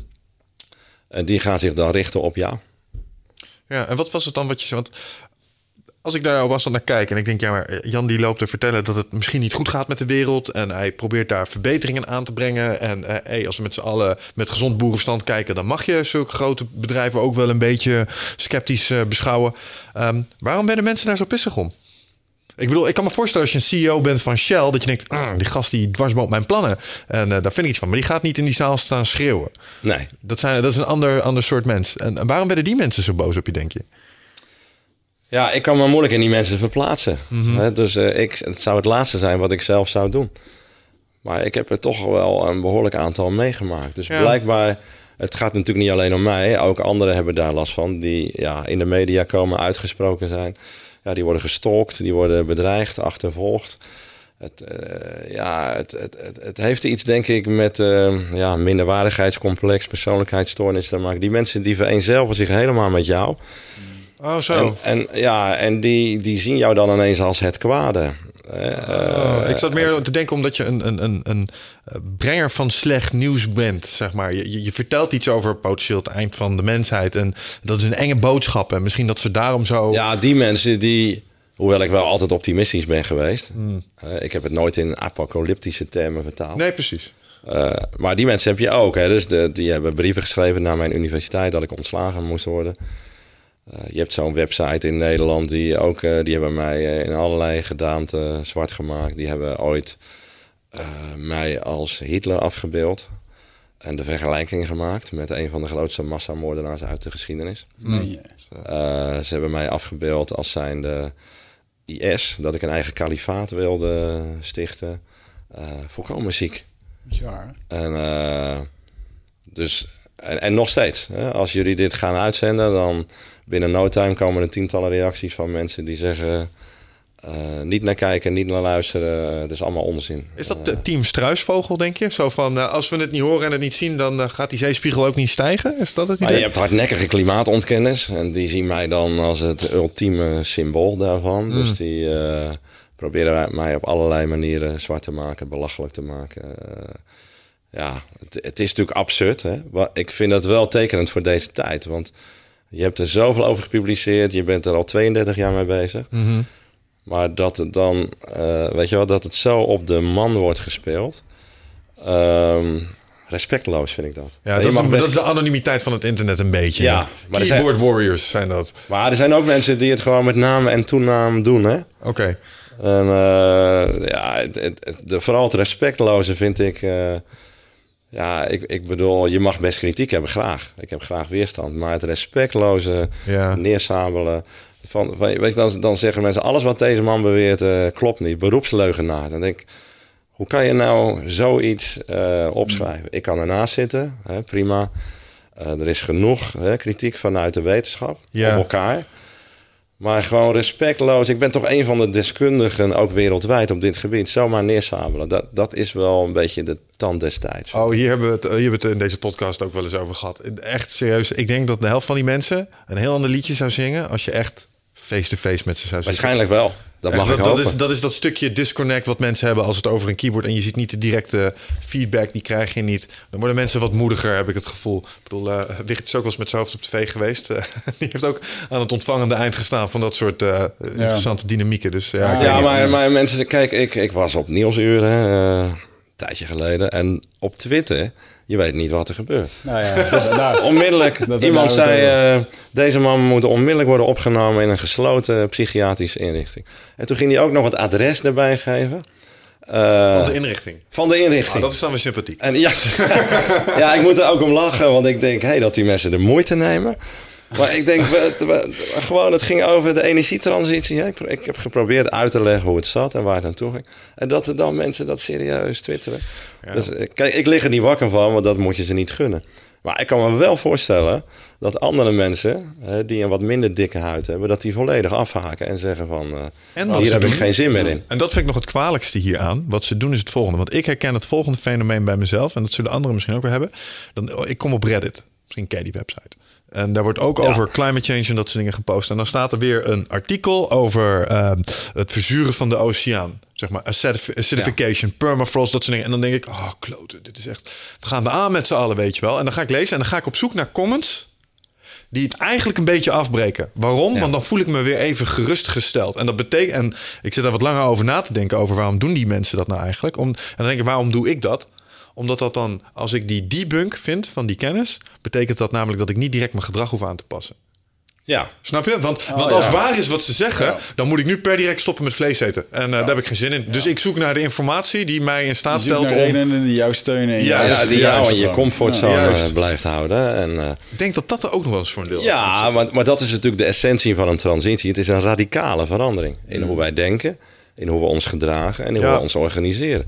En natuurlijk kost dat tijd. Dat kost twee generaties. Maar ik vergelijk het wel eens bijvoorbeeld met eh, hè, de andere eh, radicale veranderingen die ook tijd vergen. Eh, transitie van roken naar niet roken. Ja. Dat heeft ongeveer twee generaties geduurd. Er is natuurlijk nog een relatief kleine hardnekkige groep die wel rookt. Maar grosso modo, 80% van de mensen rookt niet meer. Was jij dat nou die dat zei? Dat er films waren vroeger met een Marlboro, Marlboro Man? Harley Davidson ja. en een Marlboro Man. Dat was een Nou film. ja, vroeger, Ja, die actiefilm. Met roken helemaal in Ja, verheerlijk, dat joh. Ja. cool. Dat was een als we hier topfilm. 50 jaar geleden hadden gezeten, had je elkaar niet kunnen zien. Het was blauw van de rook geweest. Ja, dan had je ook gewoon mogen roken. Ja, joh, nou, dat sterker gewoon, nog, je eh, werd aangemoedigd. Overal hebben- waren uh, asbak. Het was gezellig, sociaal. Dus op verjaardagen werd ook gezegd... joh, doe nou niet zo ongezellig, rook gezellig mee. En mijn moeder was zwanger van mij toen ze rookte. Dus, hè, dus mijn kinderen zeggen, daar ging het al mis natuurlijk. Hè? Dat, Ja, eh, dat, dit is dat- gewoon een eh, tv-commercial van... eh, busy time keeping up with him. Time out for many men of medicine usually means just long enough to enjoy a cigarette. Oh, jeez. And because they know what a pleasure it is to smoke a mild, good tasting cigarette, they're particular about the brand they choose. In a repeated national survey, doctors in all branches of medicine, doctors in all parts of the country were asked, What cigarette do you smoke, doctor? Once again, the brand named most was Camel. Yes, according to this repeated nationwide Jesus. survey, Ja. Ja. more doctors smoke Camels than any other cigarette. Ja, maar kijk, wie, wie, is wie, duidelijk. Ja, wie- ja, ja. kijk, roken was stoer. Dat zag je in cowboyfilms, dat zag je in oorlogsfilms. En 90% van de volwassen mannen rookte. Hè? Eh, en, en, en dat is omgeslagen. Maar dat begon met een kleine groep die stopte. Ja. De eerste resultaten werden bekend over de causale relaties tussen longkanker en rook. En eh, professor Dol in Australië onderzocht dat. En toen een kleine groep uit de elite die dachten: hé, hey, dat willen wij niet, die stopte. En die infecteerde een grotere groep. En toen kwam de gezondheidscultus op, in de jaren 60, 70, 80. Want je had nog geen sportscholen toen. Die zijn pas later gekomen. Het paste niet meer bij een gezond leven. En toen pas kwam de overheid met maatregelen. Dus iedereen denkt dat is overheidsgestuurd. Nee, het was vooral cultuur gestuurd. Het was een cultuurverandering. Eerst een elite, daarna een grotere groep, daarna een brede volksbeweging die zich fanatiek tegen het roken keerde. En toen pas beleidsmaatregelen. Eerst mocht je niet meer roken in vliegtuig, toen niet meer in, in werkplekken en restaurants, noem maar op. Maar dat was de laatste fase. En zo werken transities dus vaak. En toen heb ik een paar weken geleden ook gezegd eh, bij Brandpunt van... eh, ja, eh, vlees wordt het nieuwe roken. Ik heb niet gezegd vlees in het algemeen, maar zo'n vieze, vette, foute hamburger. Als je over tien jaar nog zo'n fastfood hamburger eet, ben je net zo'n paria als dat je nu rookt. Wat ik vraag wel eens aan mensen in de zaal bij mij van wie rookt er nog? Nou, een paar vingers steken ze op. Het zijn er maar een paar. Ik zeg, ja, eigenlijk ben je een sukkel, toch? Als je nu rookt. Je bent, je bent een sukkel. Er is echt niks wat erop duidt waarom, je, waarom het goed zou zijn om te Nee, roken. je bent een sukkel. Over tien jaar ben je een sukkel als je nog van dat foute vlees eet. En, en als je goed kijkt, dat doe ik natuurlijk steeds, dan zie je dat aankomen. Al lang geleden. McDonald's zei vorige maand, wij verkopen over tien jaar alleen nog maar vega burgers waarschijnlijk. Die zien het al gebeuren. Je merkt het al in restaurants. Bijvoorbeeld in, in Amsterdam kan ik al bijna geen gewone hamburger meer krijgen in een restaurant. Zijn allemaal alternatieve burgers, wietburgers. Maar niet in de burgers, niet in de restaurant waar ik heen ga. ja, maar dat zijn Nee, meer maar de, hij heeft wel gelijk, de- hoor. Het is allemaal de vegan, Febo's en de... hummus en quinoa Ja. burgers. Ja. Het is de disclaimer die ik altijd naar Remco maak. Remco is een maatje van mij, woont in Amsterdam. Dus ik zeg, oh, gaan we eten in Amsterdam? Ik zeg, goed, maar ik wil wel naar een mannelijke tent, weet je wel. Ik heb geen zin in zo'n liflafjes tent waarbij ik inderdaad groente zeewier burgers krijg. En zo. Ik denk, kom op, man. Dat heb ik ook niet altijd, weet je wel. Daarom, eh, daarom vind ik, het is wel radicaal, maar het is ook een evolutie. Het is een evolutionaire revolutie. Dus laten we het in stappen doen. Daarom zeg ik, begin eens met een paar keer in de week geen vlees eten. Flexitarië, bouw het dan af. Eh, ga anders rijden, ga je huis aanpakken. Iedereen kan tegenwoordig wat doen. Eh, als je nu 10 zonnepanelen koopt, ben je 4.500 euro kwijt. Heb je een rendement van 6, 7, 8 procent. Als je 4.500 euro naar de bank brengt, dan heb je een rendement van nou ja, bijna nul. 1, 2 tiende procent. Dus je bent nu een dief van je eigen portemonnee. Dus we hebben het allemaal binnen handbereik om iets te doen. Vraag over trouwens, over zonnepanelen. Wat vind jij van de opkomende technologie dat ze het in toenemende mate verwerken in ramen? En daar zit ik stiekem nog een beetje op te wachten. Het is best wel duur om dat op je dak te zetten, je ramen erin en uit laten zetten. Dat kan bij ieder huis, zelfs als je in een vereniging van eigenaren zit en dat soort dingen. Nee, onmiskenbaar is dat de trend. Eh, niet alleen dat we het integreren in ramen, maar ook in eh, zeg maar dakpannen. Oh ja. Heb ik ook al gezien. Eh, want vergis je niet, eh, ramen staan verticaal. Maar je hebt een optimale hellingshoek nodig hè, van 45 graden. Dan heb je het grootste rendement. Dus in beginsel zeg ik eerst op de daken, integreren in de dakpannen. We gaan het ook integreren in de ramen. Op allerlei manieren gaan we dat doen. We hebben nu een eerste ontwerp van eh, zonnepanelen in wegen. Gewoon in ja. asfalt. Want dan rij je dus op een weg. En doordat jij daarop rijdt, zeg maar, wek je ook energie op. ja. Nou, dat is natuurlijk een geweldig concept. Dus we gaan het langs de spoorlijnen, de autowegen, al die schermen, die gaan we ook gebruiken. Hè, eh, voor zonnepanelen. Dus, dus ja, wa- wat dat betreft zit dat er helemaal aan te komen. Alleen je kan wachten, je kan nog vijf jaar wachten, je kan nog tien jaar wachten. Maar zelfs met een televisie, er is nooit een optimaal moment. Nee. Want er komt altijd weer een technologie daarna die weer efficiënter is. Ja. Dus ja, ik zou zeggen, wacht niet te lang. ja, computers zijn een mooi voorbeeld. Ik Ja. bedoel, je, hebt de, je hebt de Nees gekocht en de nieuwe staat alweer uh, aan het eind van de gang te wachten, bij Ja, van spreken. Ja, dus wat is een optimaal moment? Ja, nee, dat snap ik. Maar ik heb natuurlijk zelf ook wel eens eh, gekeken naar de opties van eh, bijvoorbeeld zonnepanelen. En ik heb een appartement, dus ik zit in een vereniging van eigenaren. En dan moet ik door allerlei eh, nou ja, formaliteiten moet ik dat regelen. Het is niet gezegd dat je zomaar op je appartementencomplex die dingen mag neerzetten, want dat deel je met mensen. Ja. En dan Nou zijn ja. ramen plots een, een beter alternatief. Dus Ja, kijk, en het leuke van deze tijd is... Kijk, duurzaamheid was altijd iets van geitenwolle sokken. Beetje linkse types. Eh, en, en dat is omgeslagen in, het wordt iets van ons allemaal. Het wordt ook van rechts. Hè, want het biedt ook economische voordelen. Dus mijn argumenten zijn nu veel meer financieel en economisch. Als je nu geen zonnepanelen neemt, dan ben je vooral een sukkel omdat je rendement laat liggen. Niet zozeer omdat je de wereld wil verbeteren, maar eh, als jij je geld nu op de bank wil zetten, nou veel succes. Ja. Maar ja, dan ben je een dief van je eigen portemonnee, zie je? Dus als jij op den duur niet elektrisch gaat rijden, ja, dan ben je ook een sukkel. Als je over tien jaar nog gas hebt in je huis, ben- ja, dan ben je ook een sukkel. Dus de, langzamerhand wordt het omgedraaid. Eh, dus wat wij ooit alternatieve energie noemden, eh, duurzame energie, dat wordt dan de reguliere energie. En fossiele Ja. energie wordt alternatief. Dus zo zie je hoe het aan het omslaan is. En er komt een generatie aan voor wie dat heel normaal is. Dat is het, het uitgangspunt. Ja. Zit jij eh, vaak in je hoofd? Eh, neem je heel veel informatie tot je video's, podcast, boeken? Eh, nou, voel je niet schuldig, dat doen heel veel mensen natuurlijk. Hè, maar vaak zijn we op zoek naar antwoorden. Ehm, gaan we nog meer informatie tot ons nemen. Terwijl ja, de antwoorden liggen toch echt in onszelf. En dat is iets wat we voelen met ons lichaam. Maar vaak zijn we zo erg in ons hoofd bezig ja, dat we dat ook niet meer, dat we daar niet meer echt goed bij kunnen. En dat is graag waar ik je voor uit wil nodigen. Voor Rite of Passage. 24, 25 en 26 mei is er weer een nieuwe editie. Voor mijn retreat voor persoonlijke ontwikkeling. Waarbij het thema echt is om uit het hoofd te komen in dat lichaam. Want dat is waar je alles ervaart. En ik wil dat je gewoon weer in contact komt met, met die, die intuïtie. Ehm, en dan gewoon een heel sterk eh, innerlijk kompas. Dat je gewoon weer weet waar je naartoe moet. Wat je te doen staat. En dat je gewoon weer helderheid hebt over wat je wilt en hoe dat je dat gaat doen.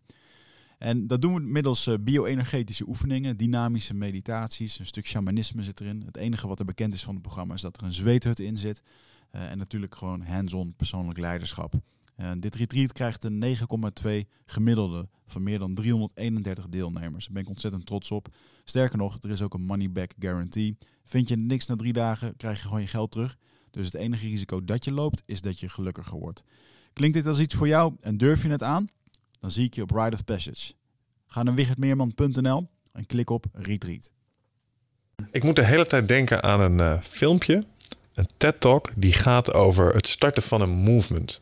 Misschien ken je dat. Ja, Van die mensen, van die mensen eh, de, zeg maar, iemand er gaat op een veld, eh, bij een zwembord, gaat een meneer heel raar Ja. staan dansen. Ja. Heel raar in zijn eentje. En iedereen zegt, Ja. kijk zo, wat de fuck is dat dan? Wat doet die gast? En dan komt er één gozer bij staan en die doet ja, mee. ja, ja, zeg maar, ook Ja, even ja, ja, raar. En dan zie je ja, iedereen zo, en op een gegeven moment komen er mensen bij. Ja, ja. En dan zijn op een gegeven moment de gasten die aan de kant staan te kijken en die meedoen. Dat zijn Ja. ineens de, de, de outcasts geworden. Ja. Omdat er een hele, een hele groep met mensen gek aan het doen is midden op zo'n veld. En Ja, dan ineens nou wordt het normaal. daar heb ik mijn hè, transitietheorie rondom ontwikkeld. Dit soort voorbeelden. Hmm. Want je, ik laat ook wel eens het filmpje zien van pinguïns. Weet je wel? Dat komt uit de film Marching the Penguins. Je ziet duizenden pinguïns achter elkaar marcheren en ineens stapt er één uit. En, en die wil een andere koers inslaan. En de rest denkt, die is gek. Dus die lopen gewoon door. En dan stapt er nog één uit en nog één. En dat zijn de verbinders. Die maken de verbinding tussen de oude en de nieuwe orde. Ja, En je hebt dus verschillende soorten vernieuwers nodig. Je hebt mensen die zeg maar koploper zijn, die stappen er als eerste uit, maar die binden niet. Want die hebben niet het bindend vermogen om anderen mee te krijgen. Die zijn zo overtuigd van hun eigen gelijk. En ik heb dat denk ik ook jaren gehad. Waarom volgt niemand mij? Het is toch logisch? ja, ja. ja. En je loopt maar voorop en je kijkt achterom en je denkt... hé, hey, er volgt mij niemand. Maar je hebt, je hebt verbinders die niet zozeer vanuit hun eigen ego opereren... maar gewoon het oude met het nieuwe willen verbinden. En die zijn cruciaal. En dan heb je kantelaars die kunnen een nieuwe stoet organiseren of een nieuwe dans. Dus die kunnen het verschil maken. Dus de combinatie van een koploper, een verbinder en een kantelaar kan heel effectief zijn. Ik heb laatst nog een artikel daarover uitgebracht. eh, want je blijft daarmee bezig, je blijft puzzelen. En ik heb 15 jaar geleden al gezegd, we hebben meer koplopers nodig. Nou, we hebben nu duizenden koplopers. maar niemand volgt ze omdat ze zo overtuigd zijn van hun eigen gelijk... dat ze zichzelf ook een beetje klem zetten. En die verbinders zijn dus cruciaal in deze fase. Ja, wat is dat toch met mensen die eh, een bepaalde mate van mentale helderheid hebben, eh, die op andere fronten toch zo ongelooflijk uh, slecht geëquipeerd lijkt zijn? Ik moet wel eens denken aan Newton. Schijnt een geniale man te zijn, maar een draak in de omgang. Ja. Bij wijze van spreken is misschien een heel gechargeerd voorbeeld, maar die. Ja. Snap je? Nou ja, veel koplopers hebben wel semi-autistische neigingen. Ja. Moet ik eerlijk zeggen. Ergens op het spectrum. En die zijn ook vaak gefrustreerd geraakt en gaan dan nog harder tamboureren. En ik, ik, ik, roep ook wel eens van die koplopers bij elkaar hè, in speciale sessies, transitie-arena's noemen wij dat. En sommigen zeggen dat vinden wij niet leuk, want dat maakt ons minder bijzonder. Nou ben ik dus omringd door mensen die ook allemaal koploper zijn. En ik wil me onderscheiden. Zie je, dus het onderscheiden is dan een doel in plaats van een middel. Dus die, die hebben altijd de oplossing al in de achterzak. En die luisteren dus ook niet naar anderen, want die zeggen: nee, maar het zit zo, wij weten hoe het moet. Oh, die hebben hun eigen stokpaardjes. Precies. Ja. En als mensen dat merken, zeggen ze: ja, je staat dus niet in verbinding met ons. Mm. Want je komt altijd maar gelijk met die oplossing. Dus je staat niet open voor andermans oplossing. Mm. En daarom binden ze zo slecht. Dat vind ik wel uh, vind ik een interessant feit. Wat vind jij daarvan, Wigert? Van, van die mensen die met uh, allerlei virtual signaling, allerlei heel nobel gedrag etaleren? Mm, Weet je, alsof je moet dit doen en dit is goed en dat kan op dit front zijn, het kan op allerlei andere fronts zijn, maar dan ondertussen is het eigenlijk alleen maar, want dat hoor ik jou zeggen, het is ego. Het is een soort persoonlijk gewin wat ja. ze na. Ja. die staan vaak een doorbraak in de weg. Vanuit de beste bedoelingen. Ja. Ik een beetje denken aan... Uh, hoe heet deze meneer nou die tegen Trump strijdt? Bernie? Bernie Sanders. Ja. Die had een voorstel dat al die mensen die daar in de kamer zitten... Uh, net als bij de Formule 1, als je daar op het podium staat... dan krijg je allemaal patches op door wie je wordt gesponsord. Oh ja. En dat je de mensen die daar zitten, die zouden eigenlijk die patches moeten hebben door welke oliemaatschappijen, welke dingen, dat ze allemaal mee verbonden zijn, zijn. Of wie ze gesubsidieerd zijn. En, uh, joh, en, en, dat ze dan mogen spreken. En onlangs zag ik bijvoorbeeld ook over, over die, die uh, National Rifle Association. Ja, ja, ja. Die had gewoon 3 miljoen gefund aan een of andere Amerikaanse politicus. Die dan nu, met er, omdat er weer zo'n mass shooting is, pas de 47ste van het jaar 2018. Ja, uh, dan, oh, oh, prayers are bla bla bla. Wat weet prayers? Fuck man, je hebt gewoon 3 miljoen gekregen van ze. Ja, ja, ja, ja. Ja. Ja, dus, dus ja, dat denk ik daarover. Maar ik, uh, ja, dat is gewoon, um, um, ja, dat is zeker een stukje uh, ego. Maar ik denk dat het ook dat heel veel mensen zich op een gegeven moment een, een carrière uh, hebben ingewurmd. waar ze een soort van, niemand dwingt je, maar die vinden dat ze zelf gedwongen zijn om bepaalde standpunten in te nemen. Mm. Of dingen te blijven zeggen, want anders dan valt het hele uh, kaarthuis in elkaar voor hun kinderen, voor hun gezin. Uh, dat is niet handig. Beetje hetzelfde als wat we bij Graham Hancock zagen, terwijl hij met archeologen in de weer moest. Je hebt bijvoorbeeld een, een alternatieve kijk op de, de tijdspaden als het gaat om Egypte. Je hebt een garde met, met uh, zeg maar archeologen en die zeggen nee, nee, nee, die nieuwe ja. tijdslijn, dat kan niet. Want de, als, als ze daar ja tegen zeggen, is hun body of work, 20, 30 jaar ja. werk, flikkert in één keer om. En ik denk ja. dat dat soort dynamieken er ook nog wel eens. bijvoorbeeld iemand die bij, hoe heet die jongens van die sigaretten? Um, die Marlboro maken en zo. Dus een hele, hele, hele... Wie zit er daarachter? Weet ik niet. Hij is toch een hele bekende... Maar goed, in ieder geval de jongens die dat maken. Ben, ben je daar marketingmanager van? Ja. Of überhaupt van Coca-Cola? Ja. Ja, dan, ik zou daar niet mee kunnen leven, weet je wel. Oh zo, ja, ja, ja, ja. Ja, dit ligt in zoverre iets anders. Dit zijn vaak pioniers, hè? Mm. Die dus echt een andere weg inslaan. Ja, en dan ook financieel een andere- een enorm risico nemen. Ja. Die komen met nieuwe ideeën, nieuwe verdienmodellen. Die struikelen vaak. Dus die man die met de zilte zeeteelt eh, begon, hè, eh, bijvoorbeeld, die dus die zilte producten maakt. Ja, die heeft dat tien jaar lang bijna in zijn eentje gedaan. En iedereen kwam daar langs en dan heeft hij een paar hectare op Texel. Maar hij verdiende nauwelijks geld. Ja. En nu wel. Maar die heeft dus jarenlang gesappeld om Ja, dat ja, ja, ja, ja. aan de man of vrouw te krijgen. Zo heb wel je mooi. honderden, duizenden van die voorbeelden. Ja. Het zijn wel helden op zich. Maar ze begrijpen maar niet waarom anderen dat niet na gaan doen. Ja. En ja, dat heeft heel veel te maken met empathie, met eh bindend vermogen. Ja. Wat ik nooit heb begrepen, want bij mijn familie, mijn opa was eh, ehm, ehm, makelaar in weilanden. Dus we hebben wel weilanden Ja. in de familie zitten. En ehm, Je bent gewoon een groot grondbezitter, jongen. ja, ergens Rijk- rijk ooit, man. ooit wordt het voor mij. Maar eh, joh, dat eh, weten we niet, want dan eh, dat duurt nog jaren. water. Omdat allemaal boeren Ja. op zitten, weet ik van, verpachting. Joh. Het, ik heb er gelukkig niks mee te maken hoor. Het is allemaal eh, hoger op in de familie nog. Maar ehm toen zat ik te denken, ja, bijvoorbeeld hennep. De mannelijke plant, dus niet de cannabis, dat trekt heel de grond schoon. En daar Oh. kun je, eh, Ja, je kunt er huizen van maken. je kunt er huizen maken, brandstof. We kunnen daar eh, eh, ja. olie uithalen. We kunnen, en het, het, het trekt, het reinigt letterlijk de grond en het groeit heel snel. Dus je kan het ook weer maaien na een paar weken. Heel natuurlijk. En Dat is ideaal voor de circulaire economie. Maar ik heb die woning al gezien van Hennep in Drenthe. Maar goed, als ik dat aan mensen vertel, dan zeggen ze... ja, maar daar word je eh, helemaal stoned van natuurlijk als je daarin gaat. Dat is helemaal niet waar. maar dat is de eerste reactie, hè? Ja. We zijn het niet gewend. Maar dat is wel hè, de meest natuurlijke vorm. Daar gaan we wel naartoe. Ja, misschien ga ik dat gewoon doen met die weilanden ooit. Ja, dat zou ik doen als ik jou was. Ja. Kom toch op. Dat is wel grappig. Ik kreeg vandaag eh, wat opmerkingen. Ik had op LinkedIn een takenlijstje gepubliceerd. En daar Ah. stond, en daar stond op eh, investeren in eh, cannabis. En mensen hè, wat ga je doen? Ga je een koffieshop openen? Eh, nee, want in Amerika wordt de hele markt gelegaliseerd. Ja. In Canada zijn er al een heleboel bedrijven een hele tijd bezig met hennepteelt. En inderdaad niet alleen om de psychoactieve werking, maar ook om alle andere voordelen die het product heeft. Ik bedoel, je kunt het in de textielindustrie, textiel kun je vervangen met hennep. Ja. Deze week mijn eerste spaargeld in een ETF eh, gestopt. Ja, ja dat op, deze, ja. op deze business. Ja. Maar dat komt eh, op termijn in Europa ook aan. En wat mij betreft zo snel mogelijk. Ja. Ja. Want we hebben natuurlijk een dramatische situatie in Nederland. Dat je het aan, eh, aan de voorkant eh, wel mag eh, verkopen, maar aan de achterkant mag je het niet telen. Ja, dat is bizar. Ja, dan Dat is vraag me bizar. af, is dat dan ook met die, die mannelijke plant waar dan geen psychoactieve Nee, nee, dat mag. zit? Die mag je gewoon verbouwen. Ja. Dus, eh, daar staan velden vol van in eh, Nederland. Er zijn Ja. velden van, hè? Ja, en dat- Limburg, op Duitsland, ook Roemenië zijn ook heel veel Janepzalen en zo. Dat wordt allemaal daar vandaan gehaald. Ja, voor de mensen die dat niet weten, de, de vrouwelijke cannabisplant met name is, eh, de- dat maakt THC en dat is wat psychoactief is. En dat mag je dus in Nederland niet verbouwen, maar je mag het wel verkopen. Dat is waarom coffeeshops eigenlijk eh, alles met illegale kwekers doen, met alle gevolgen van dien. Ja. Ehm, die moeten hun stroom stelen, doen het onveilig met, met brandgevaar. Ja. En, en je mist er zoveel economie mee, want ik, als we nu iets hebben gezien in Amerika, is dat het een heel goed businessmodel is. Snelst groeiende Ja. industrie die Jeetje. ooit heeft bestaan. Ja, dat verbaast me niet. Nergens over. Nee. Ja. Hey, eh, dat is trouwens op zich ook wel een mooi voorbeeld van hoe verandering eh, eh, in een land best wel snel plaats kan vinden. Ik bedoel, als je kijkt naar de war on drugs en hoe nu vanuit overheden daar inderdaad een ander beleid wordt gevoerd, omdat de, aan de vraagkant in de markt de individuele actor, zeg maar, ehm, gewoon het product bleef afnemen of onzin vond wat daar eh, aan trend gebeurde.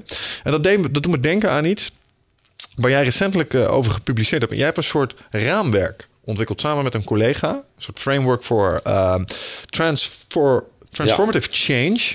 En ik ben gek op modellen en concepten. Ja. En eh, wat ik daar heel mooi aan vind... is dat je daar een, een drietal factoren onderscheidt... in dit soort transitieprocessen. Eh, streams, actors en stage.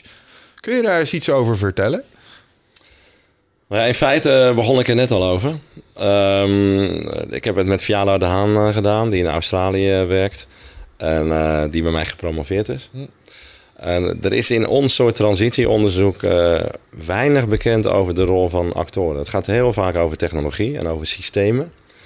Maar in deze overgangsfase, hè, waarin we chaos zien tussen twee evenwichten in, zijn actoren meer dan ooit belangrijk. Als je in een beginfase van een transitie zit, zit alles nog vast. Dus dan heb je een dynamisch evenwicht. Is het moeilijk om echt significante veranderingen te creëren. In een chaosfase, een kantelfase, kunnen interventies van bepaalde groepen actoren zeer effectief zijn. Dus dat zijn we gaan onderzoeken. Hebben we eerst gezegd, je hebt verschillende soorten actoren. Wat ik net al zei, je hebt de koplopers die de weg bereiden, die maken ruimte. Dan heb je de verbinders nodig, die de oude met de nieuwe orde verbinden. En je hebt kantelaars nodig die echt sectoren op de schop nemen of organisaties. Die hebben zeg maar een soort ultiem leiderschap, hè? Die, die dus beweging kunnen creëren. Toen hebben we gezegd dat begint vaak met projecten via koplopers. Dat worden dan netwerken. Dan heb je de verbinders nodig die netwerken kunnen verbinden. En dan heb je de kantelaars nodig die daar bewegingen van kunnen maken. En dat is weer waarde gedreven. Dus bewegingen ontstaan uit onmacht met oude waarden en geloof in nieuwe waarden. Nou, dat zie je nu, eh, waar we het net over hadden, zie je nu terug. Op het gebied van energie heb je nu eh, een studentenbeweging. hè, eh, die zich sterk keren, ontstaan in Amerika vanuit eh, eh, universiteiten tegen investering in fossiele brandstoffen. Wij noemen het de divestment movement. Het begon met tien mensen. En die bezochten een kolenmijn. En die kwamen erachter dat die kolenmijn sponsor was van de universiteit. Die zeiden dat kan niet. Toen zeiden ze tegen de directie, daar moeten we mee stoppen. Dat lukte. Toen ging het naar de andere universiteit over. Toen sloeg het over op Harvard, Stanford. Toen sloeg het over op andere werelddelen. Nou, dat is nu een wereldwijde beweging geworden. Vanuit positieve waarden. Dus die streams zijn eigenlijk een soort waardeontwikkeling. Als onderdeel van cultuuromslagen. Omdat mensen denken altijd dat transities ontstaan door politiek of beleid. Of door technologische ontwikkeling. Maar het zijn vaak de waardewisselingen nu wat er in Amerika gebeurt met het laatste incident, wat jij noemde 47e schietincident, is een beetje de druppel die de emmer doet overlopen. Nu hebben die studenten gezegd, dit moet echt het laatste incident zijn geweest. Wij moeten anders leren omgaan met die wapens en we moeten die wapenwet gaan wijzigen. En of het ze lukt, weet ik niet. Maar je merkt wel, daar, daar is gewoon een kentering gaande. Dit kan zo niet doorgaan. Nee, dat moet wel. En dat wordt dan een stream. Dat maar. wordt dan een stream, omdat Ja, ja, ja. dat een soort olievlek wordt. Steeds meer mensen delen dat van zeggen, ja, die oude traditie, wij moeten ons kunnen beschermen, weet je wel, eh, als cowboys tegen indringers. Ja, dat, dat is toch iets van Neandertalers. Dat, dat past niet bij de moderne tijd. Eh, het kan niet zo zijn in de Verenigde Staten dat, eh, hè, dat bij wijze van spreken, je, je, je kan geen seks hebben, maar je, kan wel een wapen kopen. Weet je ik, ik was daar in november en toen zat ik in een restaurant en ik had geen paspoort bij me. En ik heb geen rijbewijs en ik bestelde een biertje. En ik moest mijn ID laten zien, maar die- het lag in mijn hotel. En ik kreeg geen biertje. Ik zeg, ik ben 56. Ja, dat is wel... Ja, maar ik kreeg geen biertje. Nee. En, maar ik kan om de hoek wel een wapen kopen. Ja, dat kan natuurlijk niet. Dat, dat, dat, dat- die jongeren zeggen, dat is waanzin, dat is hypocriet. Dus dat wordt een stream. Een soort van eh, waardekentering in een aantal groepen die elkaar beïnvloeden. En dat is vaak een drijvende kracht, een motor achter transities. Dus het zijn verschillende type mensen die elkaar beïnvloeden. Van koplopers, verbinders, kantelaars. En dan volgers creëren. Dan de stap van projecten naar netwerken, naar beweging. En dan de waardekanteling. Nou, als je die drie dan in beschouwing neemt, dat hebben wij gedaan. Dan kom je eh, een beetje op wat ik noem het DNA, de bouwsteen van die transitie eh, terecht. En dan hebben wij alleen nog maar gekeken naar de opwaartse, dus wat er ontstaat. Maar we hebben ook nog de afbraak van het bestaande. Dat gaan we nu het komende jaar onder handen nemen, want het is natuurlijk opbouw en afbraak. Dus hoe bijvoorbeeld de fossiele industrie wordt afgebroken nu. Waarvan ik zeg, we gaan de begrafenis voorbereiden hè, van de shells van deze wereld. Wees welkom op de begrafenis. Nou, dat afbraakmechanisme gaan we nu ook beschrijven. Maar ik vind dat fantastisch, hè, dat puzzelen. Misschien dat we ernaast zitten, maar we zijn verder gekomen en we brengen anderen op ideeën. En ik acht de kans niet zo groot dat we ernaast zitten. Want ik, het is een soort intrinsieke logica die je ontwikkelt. Ehm, en het grootste probleem hè, met die peer review in de wetenschap is dat je altijd empirisch bewijs moet hebben. Maar wij lopen eigenlijk voor het bewijs uit. Want ik ben bezig met contemporaine transitie, dus transities die nu spelen. En de afloop daarvan maak ik misschien niet mee. Dus je kan je hooguit baseren op historische transities. En hoe de huidige transities hè, eh, aflopen, want we hebben er veel. We, we hebben het niet alleen over energie, maar kijk naar de zorg, kijk naar het onderwijs, hè, kijk naar mobiliteit, kijk naar de politiek. Het hele democratisch stelsel is aan het scheuren. Ja. Ja, de afloop daarvan die kennen we niet. Ja. Dus in zekere zin is het hypothetisch, maar die, dat theoretisch stukje, dat fascineert me nog steeds. Ja. En, en het leuke is, hoe meer je weet, hoe complexer het wordt. En hoe minder je dus weet eigenlijk. Ja. Hoe dichterbij je bij die heilige graal komt, hoe verder weg die lijkt. En dat vind ik het mooie van die wetenschap. Wat me, ja, mij ook. En, en wat me opvalt in, als je dat proces omschrijft, is dat ehm, je hebt het enerzijds over de opbouw en anderzijds over de afbraak. Alleen, ehm, ik vraag me af of het ook wel een afbraak is. Een van de dingen die mij te binnen schoot toen je het had over 1500 huizen per dag. Ja. Ik heb ooit eens economie gehad. En toen hebben ze mij het Keniaanse gedachtegoed bijgebracht. Namelijk eh, cyclisch en anticyclisch begroten. En wat een overheid kan doen is eh, projecten starten om werkgelegenheid te creëren. En daarmee de economie een zwengel geven. Dus Ja. dit klinkt bij mij als een gigantisch werkgelegenheidsproject in de oren. Hier komen allerlei nieuwe functies bij kijken. Er zijn mensen die hier tijd in mogen steken. Dit, is voor, dit kun je bij bedrijven beleggen. Dus tegelijkertijd biedt dit ook kansen voor economische groei. Ja, maar ik ben eh, meer een fan van eh Schumpeter dan van, eh, zeg maar, dan een Keynesiaan. Oké. Eh, want Schumpeter had het dus over creatieve destructie. Dus hij zei, om verder te komen in de economie hebben we juist afbraak nodig van het bestaande. Want dat maakt plaats voor wat nieuws. Dat geeft ruimte. Voorbeeld, Ehm, als je in het havengebied in Rotterdam rondloopt, zie je tientallen kilometers met alleen maar de oude fossiele economie. Dus je ziet grote olieterminals, je ziet kolencentrales, je ziet petrochemie. Dat is indrukwekkend. Daar zijn jullie nooit geweest. Je ziet het ook bijvoorbeeld in Zuid-Limburg, bij uh, daar wat vroeger DSM was. Ja, kan wel. Zit uit Geleen. Ja. Kan wel, daar ben je wel eens langs gereden. Ja, als je daar over 10, 20 jaar rondrijdt, dan is dat helemaal stilgevallen, afgebroken. Dat zie je ook in het Roergebied in Duitsland. Dat zie je ook in Detroit nu. Dan moet je maar eens komen. Die hele auto-industrie. Ja, dat een, op zijn gat. een meme op het internet. Ja, en dat wordt een soort ecosysteem. Dus daar gaan kunstenaars zitten, creatievelingen. Uh, daar zie je dus één conglomeraat van afbraak van industrie en ook woningen. Dus duizenden woningen die uh, verlaten zijn. Hè? En daar trekken zij dan in. En, en daar ontstaat weer iets nieuws. En dat is wat John Peter noemt creatieve destructie. Mm. Dus je breekt het af, het maakt plaats voor iets nieuws en er komt dan ook iets heel anders voor in de plaats. Maar in het Roergebied, eh, daar zit nu geen industrie meer, daar, daar wordt weinig geld verdiend. Maar er lopen tal van creatievelingen rond. Mm. Nou, dat gaat ook in die oude industriegebieden in Nederland gebeuren. Mhm. Uh, maar ik kan het ook uh, toepassen op Phoenix locaties. Ik denk binnen 20 jaar gaan we die helemaal afbreken. En maken we er uh, heel andere plekken van. Hè? Dus dat hoort een beetje bij een transitie, die opbouw en afbraak. Maar dat laat onverlet dat wat jij zegt natuurlijk wel waar is. Als wij die transitie succesvol realiseren, levert het ontzettend veel werk op. Mhm. Dus die 150 miljard die ik noemde, om van het gas af te komen, levert ongeveer 250.000 banen op. 250.000 banen. Dat zijn dus de installateurs, de dakdekkers, de isolatiedeskundigen, de sensorplaatsers, noem maar op.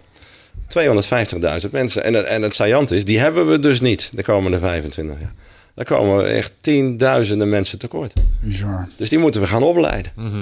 Want we, we leiden nu mensen op voor beroepen die niet meer bestaan over tien jaar. En de beroepen die we dan wel nodig hebben, daar leiden we de mensen niet voor op. Nou, die mismatch, daar moeten we wel snel iets aan gaan doen. in ieder geval geen werktekort dan. Nee, nee, nee. Nou ja, althans, dat kun je ook weer niet eh, generiek zeggen. Want het wordt ook weer een slagveld als je het over creatieve destructie hebt. Onder de accountants, de boekhouders, de administratiedeskundigen. Die gaan allemaal verdwijnen. Ja. Dus die, die technologische disruptie. Blockchain maakte de, de notaris overbodig, maar ook eh, de boekhouder en ook eh, de bankiers op den duur. ja. Dus ja, daar moeten we wel wat anders eh, voor gaan verzinnen. Dus we moeten veel wendbaarder worden. Misschien mensen die nu bij een bank werken, die gaan onze huizen dadelijk eh, isoleren over tien jaar. Dat zou zomaar kunnen. Ja. Hè, maar de, ja, dat zei ik vorig jaar nog. Van de vier grote banken in Nederland gaan er twee verdwijnen. En dan zit je ten overstaan van die vier CEO's en die komen naar je toe. Ja, goed punt. Gelukkig horen wij niet bij die twee die gaan verdwijnen. maar dat zeggen ze alle vier. Denk, denk jij Ja. na over waar jij jouw geld neerzet bij een bank? Ik zit Ja. ondert- ondertussen zit ik te bedenken, ik ga na deze podcast twee dingen doen. Ik ga A, bij de bank zitten waar eh, Jan zit en ik ga wonen waar Jan gaat wonen. Nou ja, kijk, ik heb ooit in Limburg gewoond, zeven jaar lang. Daar zat ik natuurlijk wel goed en veilig. Dan ben ik toch weer teruggegaan naar Rotterdam. Ja. Naar een min 7. Mm, Dus eh, de, de, de- ik ben ook optimistisch, hè. Dus ik durf ook wel die risico's te trotseren. Dus ik weet niet of jij dat ook wil volgen. Maar ja, de bank, kijk, je moet eigenlijk bij een echt duurzame bank gaan zitten. Daar zit de Betriodos. En eh, ja, ja het, het- het- zit je goed bij ASN Triodos. Ik, heb ook, ik ben ook ZZP'er, hè, ondernemer. Ik zit veel in het buitenland, dus ik zit voor dat stukje bij de Rabobank. Doen ook goede dingen. Is niet zo duurzaam als ASN en Triodos. Maar hebben bijvoorbeeld wel weer een creditcard. Wat voor mij handig is als ik naar Amerika ga. Voordelen.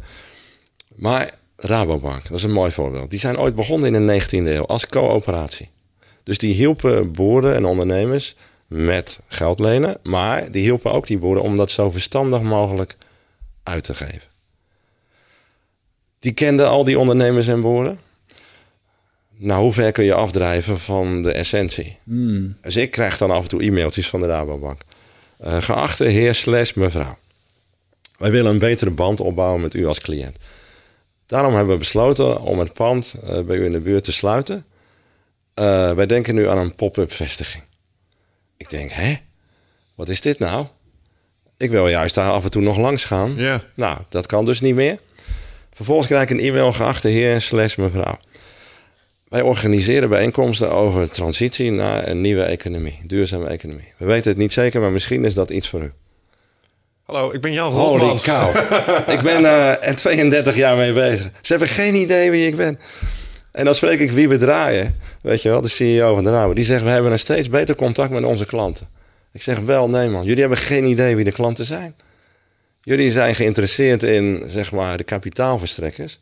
Aan de achterkant, ze hebben dan geen aandeelhouders, maar een soort of. Maar de voorkant, de klanten, waar jullie ooit voor begonnen, die kennen jullie helemaal niet. Dus de Rabobank bestaat over 10, 15 jaar niet meer in deze vorm. Als je de klant niet meer kent, dan word je de V&D, de Kodak van eh, de toekomst. En, en, en, ja, en, en, en nogmaals, en dan mijn schoonzoon zegt, ik investeer in eh, hè, al die cryptomunten. Want ik wil de bank overbodig maken. Ja. En ik heb eh, een waanzinnig mooi gesprek gehad hè, met de oprichter van Bunk, Ali Niknam. Die moeten jullie ook maar eens vragen. Oké. Kun je ons En, connecten? en, en, en ja, en die beschrijf ik hè, in mijn nieuwe boek ook, anoniem. Maar die zegt, eh, ik ga ze allemaal kapot maken, die grote bank. Ik ga de macht breken. Ik zeg, rustig, rustig man. ik ben vrij radicaal, maar ik heb ook geleerd, het moet in stappen. ja. Nee, ik ga, ik ga en hij, hij heeft geen eens tijd voor eh, fatsoenlijk te eten, voor relaties. Er zitten honderd jongens en meisjes die alleen maar bezig zijn met die digitale bank. Mooi. En dat is prachtig. Zo'n bevlogenheid, zo'n energie, weet je wel. En die banken zeggen dan, ja, wij werken samen met start-ups. Ja, wel nee, joh. die echte start-ups willen die banken gewoon Ja, ja, uithalen en kapot maken. ik heb meerdere keren een start-up eh, ge- ge- gestart en dan is het gewoon helemaal een... eh, we moeten een bank. Bank wil helemaal niks met je. Nee. Nee hoor. Nee, Ja. eens. Dus, eh, eh, en als ze zo ver af zijn gedreven van de essentie van onszelf, laat ze dan ook maar ten onder gaan. Dan vraag je er zelf eh, over. En, oh, oh, oh, ik bedoel, dat, dat- dat- ik ben zeven jaar geleden langs grote energiebedrijven gegaan in Nederland. En ik nam zo wat hoogleraren mee. Ik ben langs Essent gegaan, Nuon, E.ON. En ik zei, er komt een nieuwe wereld aan. En als jullie blijven investeren in die oude kolencentrales en zo, dan gaan jullie eraan. Nou, kwaad dat ze werden. Als we naar jullie luisteren, zei, dan gaan we failliet. Ik zei, oké, dan komen we terug. Nou, we zouden nu terug moeten gaan. Sindsdien is de beurswaarde met 90% gezakt van die bedrijven. Ze zijn in paniek. Nu hebben ze gezegd, ja, we zijn eigenlijk te laat met overstappen op duurzame energie. Hadden we je ook wel kunnen vertellen. Je ziet het aankomen. Als je goed kijkt, zie je die dingen aankomen. En je ziet het bij de banken, je ziet het bij grote retailers, je ziet het bij grote energiebedrijven. Nou ja, goed, blijkbaar is het moeilijk om, wat ik zeg, hard te kijken. Hè, langdurig te kijken naar de onderstroom. Ja. Het ritme van een transitie wordt niet bepaald door de golven. Dat zijn de incidenten van dag tot dag. Maar wordt bepaald door de onderstroom. En die gaat traag. Maar dan moet je goed, lang en hard kijken. Heb jij contact gehad met de jongen die ehm, eh, Bojan heet? Die in de Ja, Nederlandse zee eh, eh, leeg probeert te vissen met plastic? Van plastic? Ja, dat is natuurlijk een held. Hij eh, studeerde ook aan de TU Delft. Maar hij dacht, ik heb het wel gezien hier. Ik wil echt een probleem aanpakken. Dus eh, ja, hij wordt op handen gedragen. En voor een groot deel wel eh, terecht. Ik kom ook uit TU Delft. Ik, mijn zoon studeert daar ook. Ik vind het een mooi voorbeeld. Hè? Van hoe jij het verschil kan maken. Eh, hij is een soort kantelaar, koploper. Hij heeft gezegd, oké, je hebt twee problemen met plastic. We hebben er te veel van in de oceaan. En dat vernietigt een deel van de natuur in de oceaan. En we maken er te veel van aan de voorkant.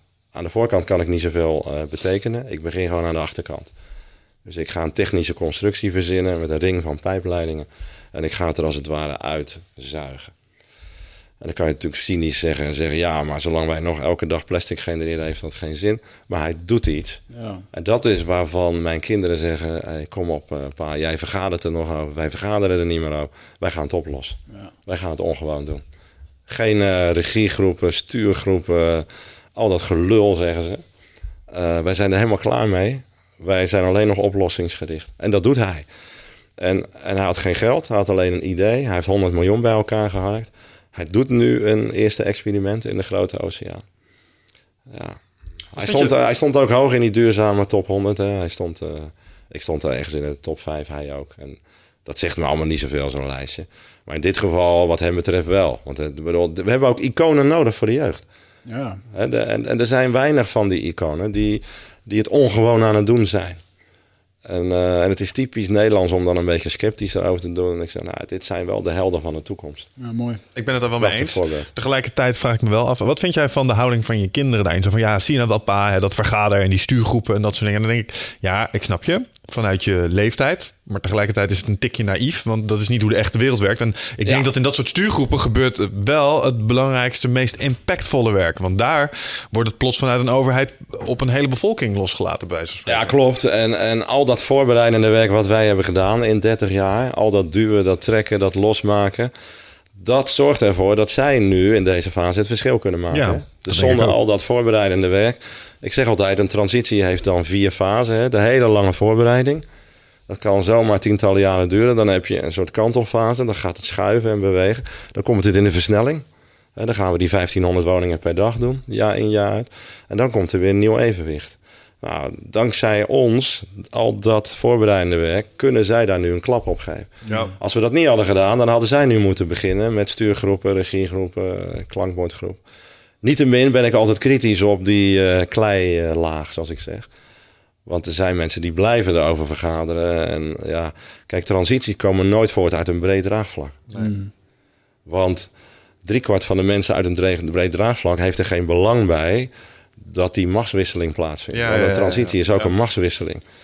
Dus die denken, ja, mooi verhaal, maar ik verdien er mijn geld mee. En dit is broodroof. Terwijl ze wel meedoen eraan, hè, voor de buren, maar onderwijl denken ze niet te snel. Dus je kan Shell wel uitnodigen van een breed draagvlak. En Shell denkt, wij doen mee. Maar zoals de Shell-directeur vroeger altijd op mijn schouder tikte... Jan, niet te snel en niet te radicaal. Want het gaat ten koste van ons verdienmodel. Ik zeg, het kan me niet snel genoeg gaan. Eh, ja, maar jij begrijpt onze belangen. En dan kwam Bernhard Wientjes weer mijn andere schouder tikken. Het gaat om de BV Nederland, Jan. Niet te snel. Nou, dat is wel... Hans de Boer tikt niet meer op mijn schouder, want die vindt ook dat het snel moet gaan. Omdat hij zegt, dit is een nieuwe economie. Hier gaan we ons geld mee verdienen.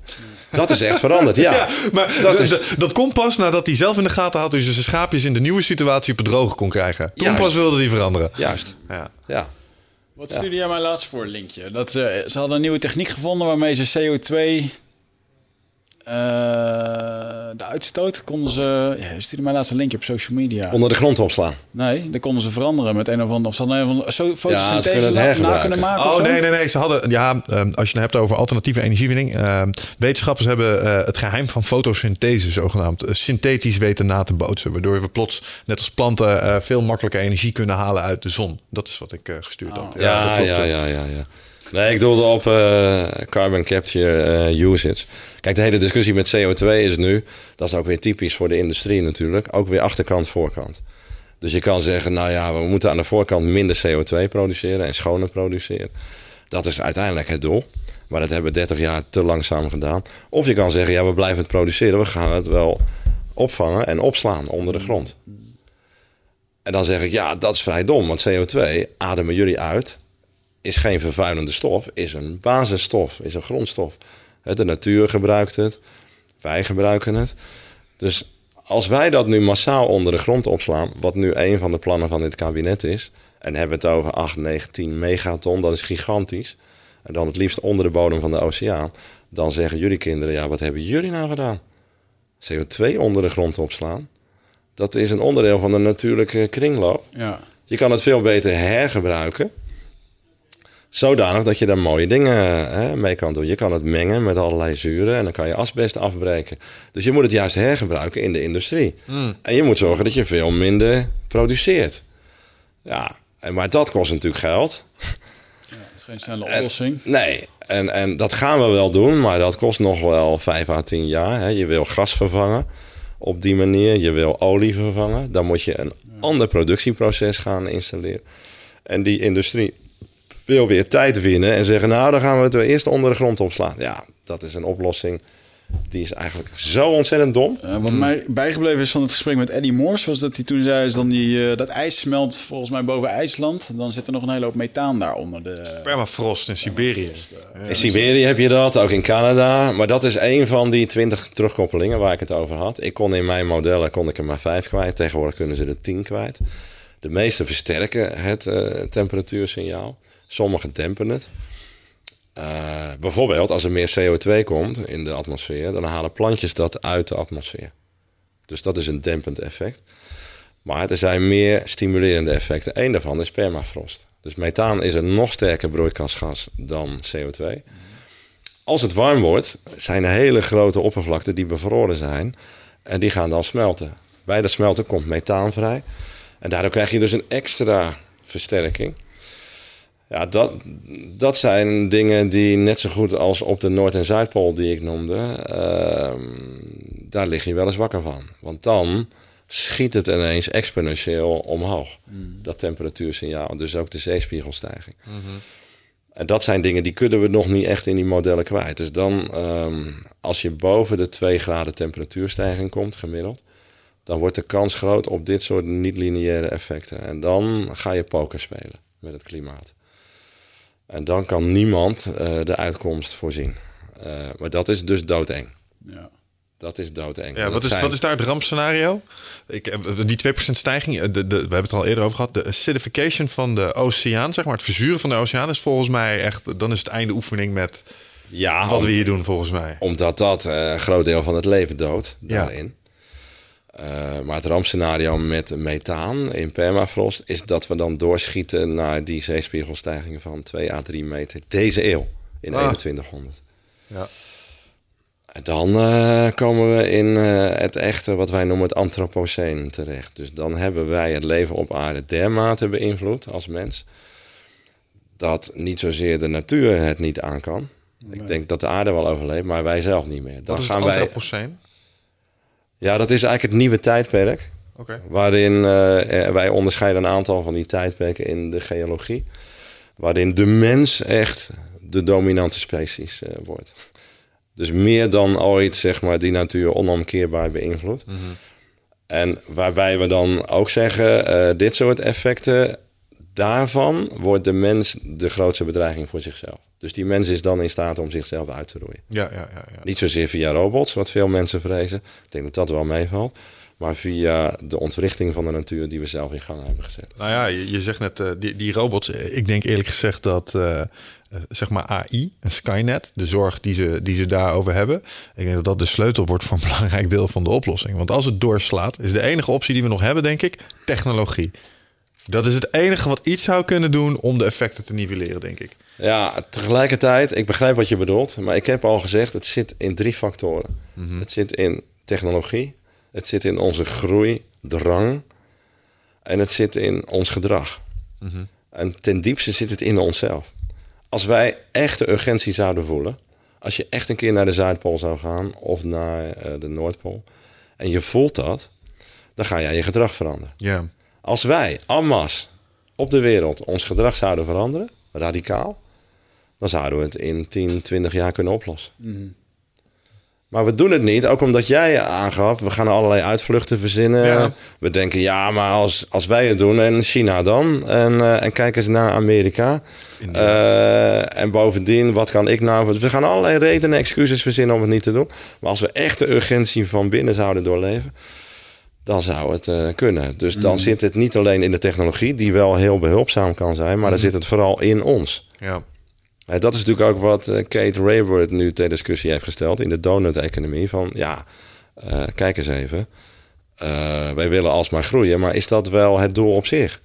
Waarom willen wij alsmaar groeien? Wij worden er niet gelukkiger van. Dus Ruud Veenhoven bij mij op de Erasmus, die heeft jarenlang longitudinaal onderzoek gedaan naar geluk, welbevinden. En wat heeft hij ontdekt? Er is een soort saturatiegevoel, hè, een verzadigingsgevoel boven de basale dingen die jij nodig hebt. Als je dan meer geld gaat verdienen, word je niet gelukkiger. Dus pak weg boven de 50, 60.000 dollar of euro. Kan je twee keer meer gaan verdienen, drie keer meer, tien keer meer. Het geluksniveau blijft constant, neemt zelfs iets af. Dus al 50 jaar neemt ons geluksniveau in Nederland nauwelijks toe. Het neemt eerder wat af. En dat komt ook omdat ja, de verdere groei in materiële zin maakt mensen niet gelukkiger. Nee. Eh, nou, dus waarom zouden we überhaupt nog willen doorgroeien dan? Als het schadelijke groei is, dat is het in een deel, voor een deel, dan brengt dat ook heel veel schade met zich mee. Qua gezondheid, eh, sociale problemen. Zit in ons DNA, denk ik. Ik denk, ik denk oprecht dat als je naar de menselijke geschiedenis kijkt, daar hebben we het hier wel vaker over gehad in de podcast. En je vergelijkt dat met uh, toen uh, de eerste vuurtjes werden gestookt en de eerste nederzettingen ontstonden. Het is een soort curve waarbij we complexiteit en novelty vergaren. En dat zit in mensen. Want als je mensen op een eiland zet en er is een eiland dat ze kunnen zien aan de horizon, gegarandeerd dat ze een bootje gaan bouwen om er te kijken. En dan gaan we ook dingen neerzetten. Dat is wat we doen. Ja, maar ik, ik kan daar voor een deel in meegaan, maar je maakt er wel een karikatuur van. Kijk, er, er zit een soort oerdrift in ons. En Ja. Oergevoelens, maar er zitten ook een paar lagen boven. Hè? Wij zijn ook geëvalueerd als mensen. Maar natuurlijk. Wij zijn niet meer dezelfde mensen als de Neandertalers. En zelfs niet als in de middeleeuwen. Eh, dat waren barbaarse tijden en omstandigheden. Klopt. Dus wij hebben daar wel een paar laagjes aan toegevoegd. En dat gaat ons ook in staat stellen om dit soort complexe problemen aan te pakken en op te lossen. Dat denk ik ook wel. Maar desondanks, als je kijkt naar wat we doen als mensen. Kijk, eh, een mooi voorbeeld is ruimtevaart. Ja, We gaan, weer we gaan toch weer kijken of we daar, eh, zeg maar, eh, het licht in het donker kunnen brengen. Bijna letterlijk. ja en ik maar denk dat daarom we altijd zullen blijven in de groeien. ik evolutie zeg. zegt Elon Musk dan... we gaan daar dan vooral naartoe, naar Mars... om ons te redden. Omdat we het hier niet meer gaan redden. Ja. Ik deel dat niet, dat doemdenken. Dus dan komt er toch weer een dimensie bij. Ja. Het is niet alleen maar het verkennen van het onbekende... maar meer ook een soort van narrow escape. Ja. Ik Dus- deel dat niet. Ik denk dat we het hier wel kunnen redden. Ik ben, ik ben niet fatalistisch. Nee. En ik vind dat wij ook geëvalueerd zijn, gelukkig. Je kan het ook zien, het is nog nooit zo lang geen oorlog geweest in Europa bijvoorbeeld. Klopt. En in de 18e eh, eeuw, eh 17e eeuw, was één sequentie van oorlog. Permanent. En dat is toch een teken van vooruitgang. Mhm. In een aantal opzichten maken we ook vooruitgang. Ja, maar is dat spirituele vooruitgang of is dat simpelweg de vooruitgang in de zin van we hebben meer welvaart en dus meer orde en daarom minder conflict hier in Europa even heel specifiek? Het is, het is een combinatie, denk ik. Ja. Maar ik doel vooral op de geestelijke vooruitgang. Ja, dus, dus dat, dat, was, dat zou mijn volgende zijn. Dus denk je dat er een spirituele ontwikkeling gaande is binnen de mens? Nou, ik zie heel nadrukkelijk eh, bij steeds meer mensen een hang naar meer zingeving, een verdieping in spiritualiteit. Ja. Omdat men ten diepste op zoek is naar de wezenlijke vragen. Eh, en waartoe ben ik hier als mens? En hoe verhoud ik mij tot anderen en de na- natuur en omgeving? Omdat er ook een soort leegte is ontstaan door de secularisering. En dat zit ook diep in ons, dat wij toch op zoek gaan, gaan graven naar diepere eh, zaken. Nou, de religies kunnen dat niet meer bieden aan ons. Dus wij zoeken het in, in andere dingen. Dat vind ik op zich ook een goede zaak. Dat heb ik zelf ook. Eh, De manier waarop ik mensen probeer te raken nu is anders dan 20, 30 jaar geleden. Toen deed ik het vooral vanuit mijn hoofd. Ik etaleerde al mijn kennis. Maar ik raakte bijna geen mensen. Iedereen dacht, die man die weet er veel van, die is knap. maar ze bleven gewoon doen wat ze altijd deden. Ja. Dus ik heb geleerd om mij te omringen met verbinders die veel meer verbindende kwaliteiten hebben. En ook door mensen te proberen te raken in het hart en in de buik. Ook door mijzelf kwetsbaar op te stellen en mij als mens te laten zien. Ja. Niet alleen maar als geleerde die veel weet. Dus in mijn laatste boek stel ik me ook uitermate kwetsbaar op. En dan heb je veel meer beïnvloedend vermogen dan alleen maar vanuit je hoofd. Ja. Grappig is dat. ja. En die evolutie maak ik zelf nu ook door. En daar ben ik nog lang niet. Maar het is wel mooi om te zien dat je op weg bent. En dat je realiseert dat je onderweg heel veel hebt geleerd. En dat ik nog heel veel te leren heb. En dat ik ook dankbaar ben dat ik dit mag doen. Mhm. En daar heb je een paar kantelmomenten voor nodig. Mijn kinderen werden ernstig ziek. En dan word je ineens teruggegrepen op de essentie. En dan denk ik, ja, ik kan wel veel succes hebben en hard werken. Maar mijn, allebei mijn kinderen werden zo ernstig ziek dat ze bijna overleden zijn. Mijn dochter kreeg hersenvliesontsteking. Die was zeven jaar. En dat was één bacterie, meningococcus B42, zal ik nooit vergeten. En mijn schoonmoeder had dezelfde bacterie. En, eh, en die ging eraan dood binnen 24 uur. Wauw. Oh, En die heeft onze dochter geïnfecteerd. En die kwam ook ineens op de intensive care eh, terecht, drie dagen later. En, en dat was bijna gebeurd. Waarschijnlijk waren we iets eerder dan normaal. Omdat de huisarts zag een verband en die was gewaarschuwd. En eerst werd ze teruggestuurd met mij, want mijn, eh, mijn vrouw was nog bij haar moeder in Zwitserland. Want ja, die was net overleden. Nooit afscheid kunnen nemen. En dezelfde bacterie, die doodde bijna ons kind. En eh, nou ja, twee nachten intensive care en ze konden niks meer doen. Want ze doden wel die bacterie, maar dan komen de gifstoffen Ja. in je lichaam. Als die in de bloedbaan komen, en dat komen ze, hè, dan krijg je de tweede fase, bloedvergiftiging. En in de derde fase slaat het op je organen, ben je dood. Dan heb je een Hmm. sepsis. En het zat in de tweede fase en het ging naar de derde fase. Ik zei, ja, maar wat, wat, wat, wat, wat kan ik doen? Wat kunnen jullie doen? Niks, zei ze. Hopen en bidden. Ja, daar zit je dan. Met je grote mond en eh, succes. Het is helemaal niks waard. Helemaal niks waard. En door een wonde is ze gered. En ook nog geen restschade, want ze moest wekenlang in het ziekenhuis blijven. Want normaal krijg je amputaties, omdat het bloed niet meer kan komen. Op de, nou ja, en, en, en kijk, dat zijn echte wonderen. En dan denk je, ja, wat zit ik me nou hier druk te maken? Hmm, ja. Ik moet meer met de essentie bezig zijn. En hetzelfde gebeurde met mijn zoon. We gingen de millenniumwisseling vieren in 2000. Mijn vader zei, dat is een magisch moment. Alle computers slaan op hol. Dus je moet zorgen dat je dan nooit in een ziekenhuis terechtkomt. Want dat gaat helemaal mis. Het gaat namelijk in computercode. Ik was toen ook bezig. eh, van 1999 naar 2000. Dat zijn vier wisselingen. En, dat, en, die- en hij was programmeur. Hij zegt, dat kunnen die apparaten niet aan. Ik denk, dat is een magisch moment. Dus dat ook met, met vrienden ga ik dat vieren. Stichting opgericht, Millenniumwisseling 2000. Vijf jaar van tevoren. Geld ingezameld. En we gingen ver weg naar Mexico. En op de dag van die millenniumwisseling komt mijn zoontje in een ziekenhuis terecht. Dodelijk virus, rota-virus. En wij zaten dus op dat magische moment in een klein privéziekenhuis. En ik zie die klok naar 12 uur tikken. En ik hoor mijn vader van... Je moet zorgen dat je nooit in een ziekenhuis terechtkomt. Want die apparatuur die slaat dan op hol. En onze vrienden, we waren met 25 mensen, die staan wanhopig op dat strand. En ik kijk naar die klok, ik denk, het zal toch niet waar zijn. En mijn vader zit in Nederland. En gelukkig daar, het was een modern ziekenhuis, liep die apparatuur door. Maar de koorts liep wel op. Van 40,5 naar 41, 41,5. Ik denk, wat is dit allemaal? Alsof iemand van boven zegt van ja, je kan wel plannen wat je wil en zo. maar ja. dat is niet in jouw handen. Het is een, een, een soort lotsbeschikking.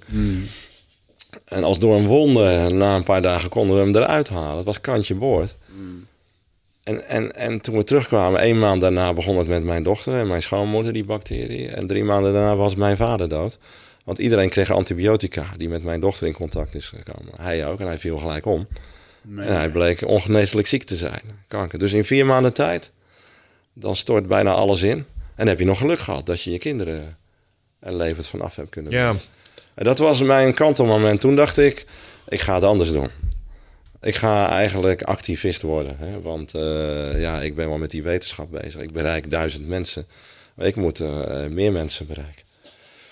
Nou, en toen, vier jaar later, ging ik op mijn plaat met wielrennen. ging ik onderuit, kwam ik ook in een ziekenhuis terecht. Toen mocht ik een jaar lang eigenlijk niks doen. En toen ging ik nog meer nadenken. Ik dacht, ik, nee, ik ga nu al mijn talenten aanwenden voor een mooiere, betere wereld. Dus ik word gewoon eh, activist. Ja. Scientivist noem ik het. Scientivist, dat is een mooie term. en Ja. activist. Ja. Mooi man. En iedereen heeft van die kairos momenten nodig. Waarin je dingen anders gaat zien. En helderder ziet. Je ziet ineens dingen. Dit is ruis en dit is de essentie. En ik gun iedereen die kairos momenten. Jullie ook. Want dat kan je leven een andere wending Hoe geven. noem je dat? Wat voor momenten? Kairos. Kairos. Dat is een mooi begrip uit de Griekse oudheid. Want wij hebben chronostijd. Dus dat is de lineaire tijd. Van uur tot uur, van dag tot dag. Maar kairos-tijd is een soort concentratietijd. Waarin je tot diepere inzichten komt. En dan kom je in een soort trance en dat kan je niet vertalen in chronostijd. En dat kan alleen maar als je af en toe stilstaat en je losmaakt van het dagelijkse ruis. En toen, noodgedwongen, moest ik mij losmaken, want ik, ik kon en mocht niks doen. En dan kan je diep in jezelf gaan kijken. Ja. Wie ben ik eigenlijk? Doe ik echt de dingen die ik wil? Of wil ik wat ik doe? Als je echt doet wat je wil, dan volg je je innerlijk kompas. Maar de meeste mensen doen dat niet. Die willen wat ze doen. Dus die doen dingen en die gaan erbij verzinnen dat dat, is- dat ook is wat ze willen. En dan kom je s'avonds thuis en dan vraagt hoe was het? En dan denk je, nou ja, wat heb ik eigenlijk zitten doen? Ik heb Ja, zitten ja, vergaderen, ik, heb, ja, ik, ja. ik ben eigenlijk met ruis bezig geweest. Ongelooflijk, ja. Ja, en, en, en, en transities verlopen vaak via dit soort kantelpunten. Dus ik ben begonnen met systeemtransities. En daarna organisatorische transities. En nu met menselijke transities. Ja. Hoe kan jij je leven nou laten kantelen zodanig dat je de goede kant op gaat. Ja, maar Dus ik ben in die zin helemaal verdwaald. wat ik dan wel hoop is dat, want wat me opvalt aan je verhaal is, en dat hebben we wel meer gehoord bij transformatieve verhalen, is dat, luister, we willen niet eh, spreekwoordelijk ook in bijna drie maanden tijd eh, onze hele gezinssituatie zo op de kop zien staan als bij jou. Want jij bent wel echt door een, je hebt door een dal moeten gaan Ja, om, dat, dat- om, dat, om ja. dat te krijgen, dat inzicht. Ja, maar in systeemtermen noemen we dat een crisis. ja. Dus op menselijk niveau is dat een drama, maar hebben we geluk gehad nog. Hè? Eh, maar eh, een crisis heb je ook in Groningen nu met de aardbevingen. Dus Ja. je kan op, op macroniveau, op meso- en microniveau crisis hebben. En crisis en calamiteiten, die helpen enorm met doorbraken voor transities. ja. Ja. En, eh, maar je kan ook op andere manieren het licht zien. Een, een ontmoeting met iemand die een zekere wijsheid heeft... en die bij jou het licht aansteekt. Dat kan ook. Ja. Of de geboorte van een kind, waardoor je de zaken in een heel ander perspectief ziet. Kan ook.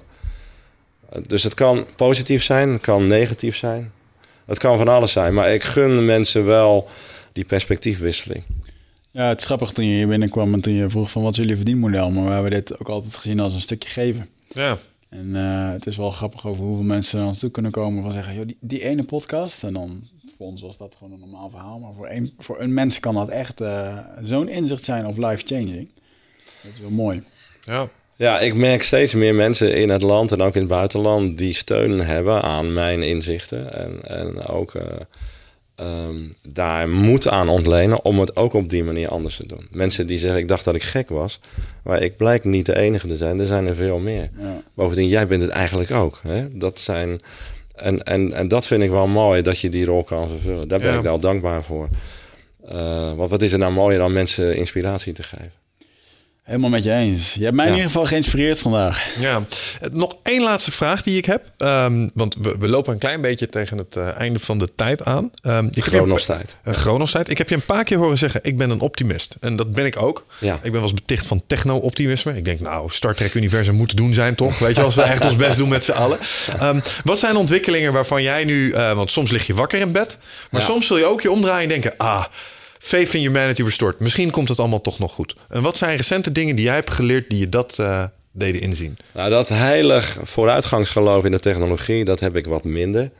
Dat was in de 19e eeuw ook zo, hè? toen de industriële revolutie opkwam. Toen zag je dat ook en, en we hebben geleerd, eh, de technologie brengt ons veel, maar heeft ook altijd schaduwzijden. Zeker. Hè, de meest gebruikte toepassing van eh, de, ehm, laat ik zeggen, de, eh, hoe heet dat, de bitcoin hè? en ook eh, blockchain, is nu al de onderwereld weer. Ja, Dan heb je, heb je weer zo'n, ja, en geld witwassen. Ja. Zie je? Dus Ja. eh, het heeft altijd schaduwzijden. En internet heeft ook geleid tot monopolisering hè, via vijf grote bedrijven, de Facebook, de Googles. Maar het heeft ons ook veel goeds gebracht. Ehm, dus ik, ik sta daar een beetje ambigu in.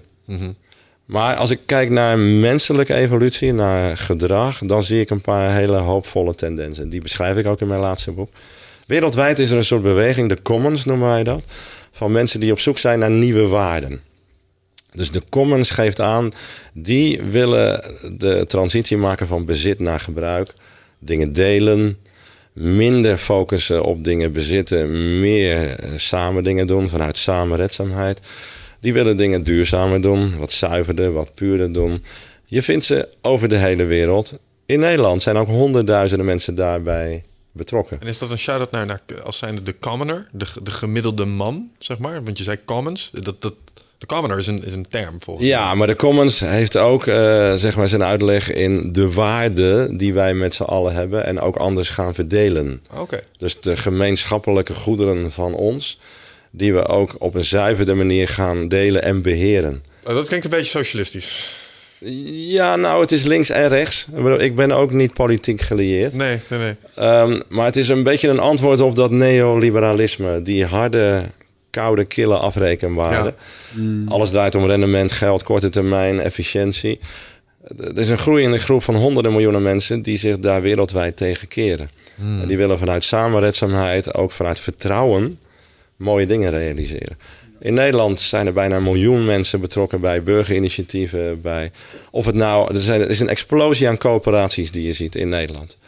En dat krijgt bijna geen aandacht. Het populisme krijgt heel veel aandacht. Het populisme is geworteld in cynisme, heeft geen oplossingen. Is ontstaan in de 19e eeuw. Vergelijkbare grote transitie met deze. Maar is altijd negatief. Ja. Wil terug naar vroeger, vanuit een soort protectionisme. Maar de commons die je ook in Nederland ziet, al die coöperaties, er zijn dus in Nederland 500 lokale energie, hè, eh, coöperaties, initiatieven. Die willen gewoon in de buurt zuiver, schone energie opwekken of verhandelen, eh, noem maar op. Er zijn eh 300 broodfondsen. Die willen gewoon elkaar vanuit vertrouwen verzekeren. Er zijn 400 eh, zorgcoöperaties.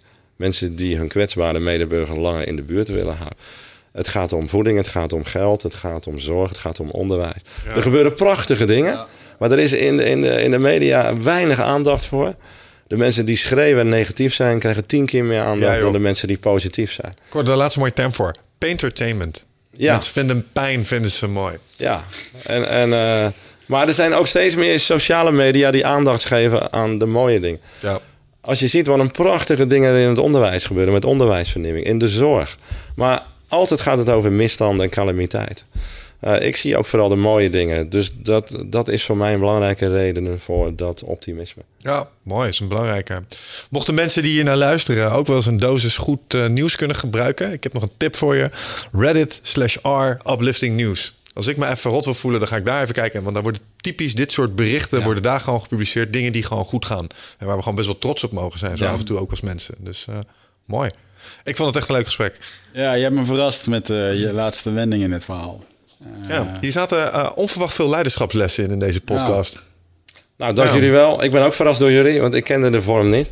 nou, Eh, mooi. het ging wat mij betreft ongemerkt snel. Dus eh, Mooi. ik hoop voor de luisteraars ook. Dan Dat mag je nog een keer terugkomen als we over de onderwerp Ja, leuk. Doe ik graag. Oké. Dankjewel. Tot de volgende keer. Luisteraars, dankjewel. Tot de volgende keer jongens. Ciao.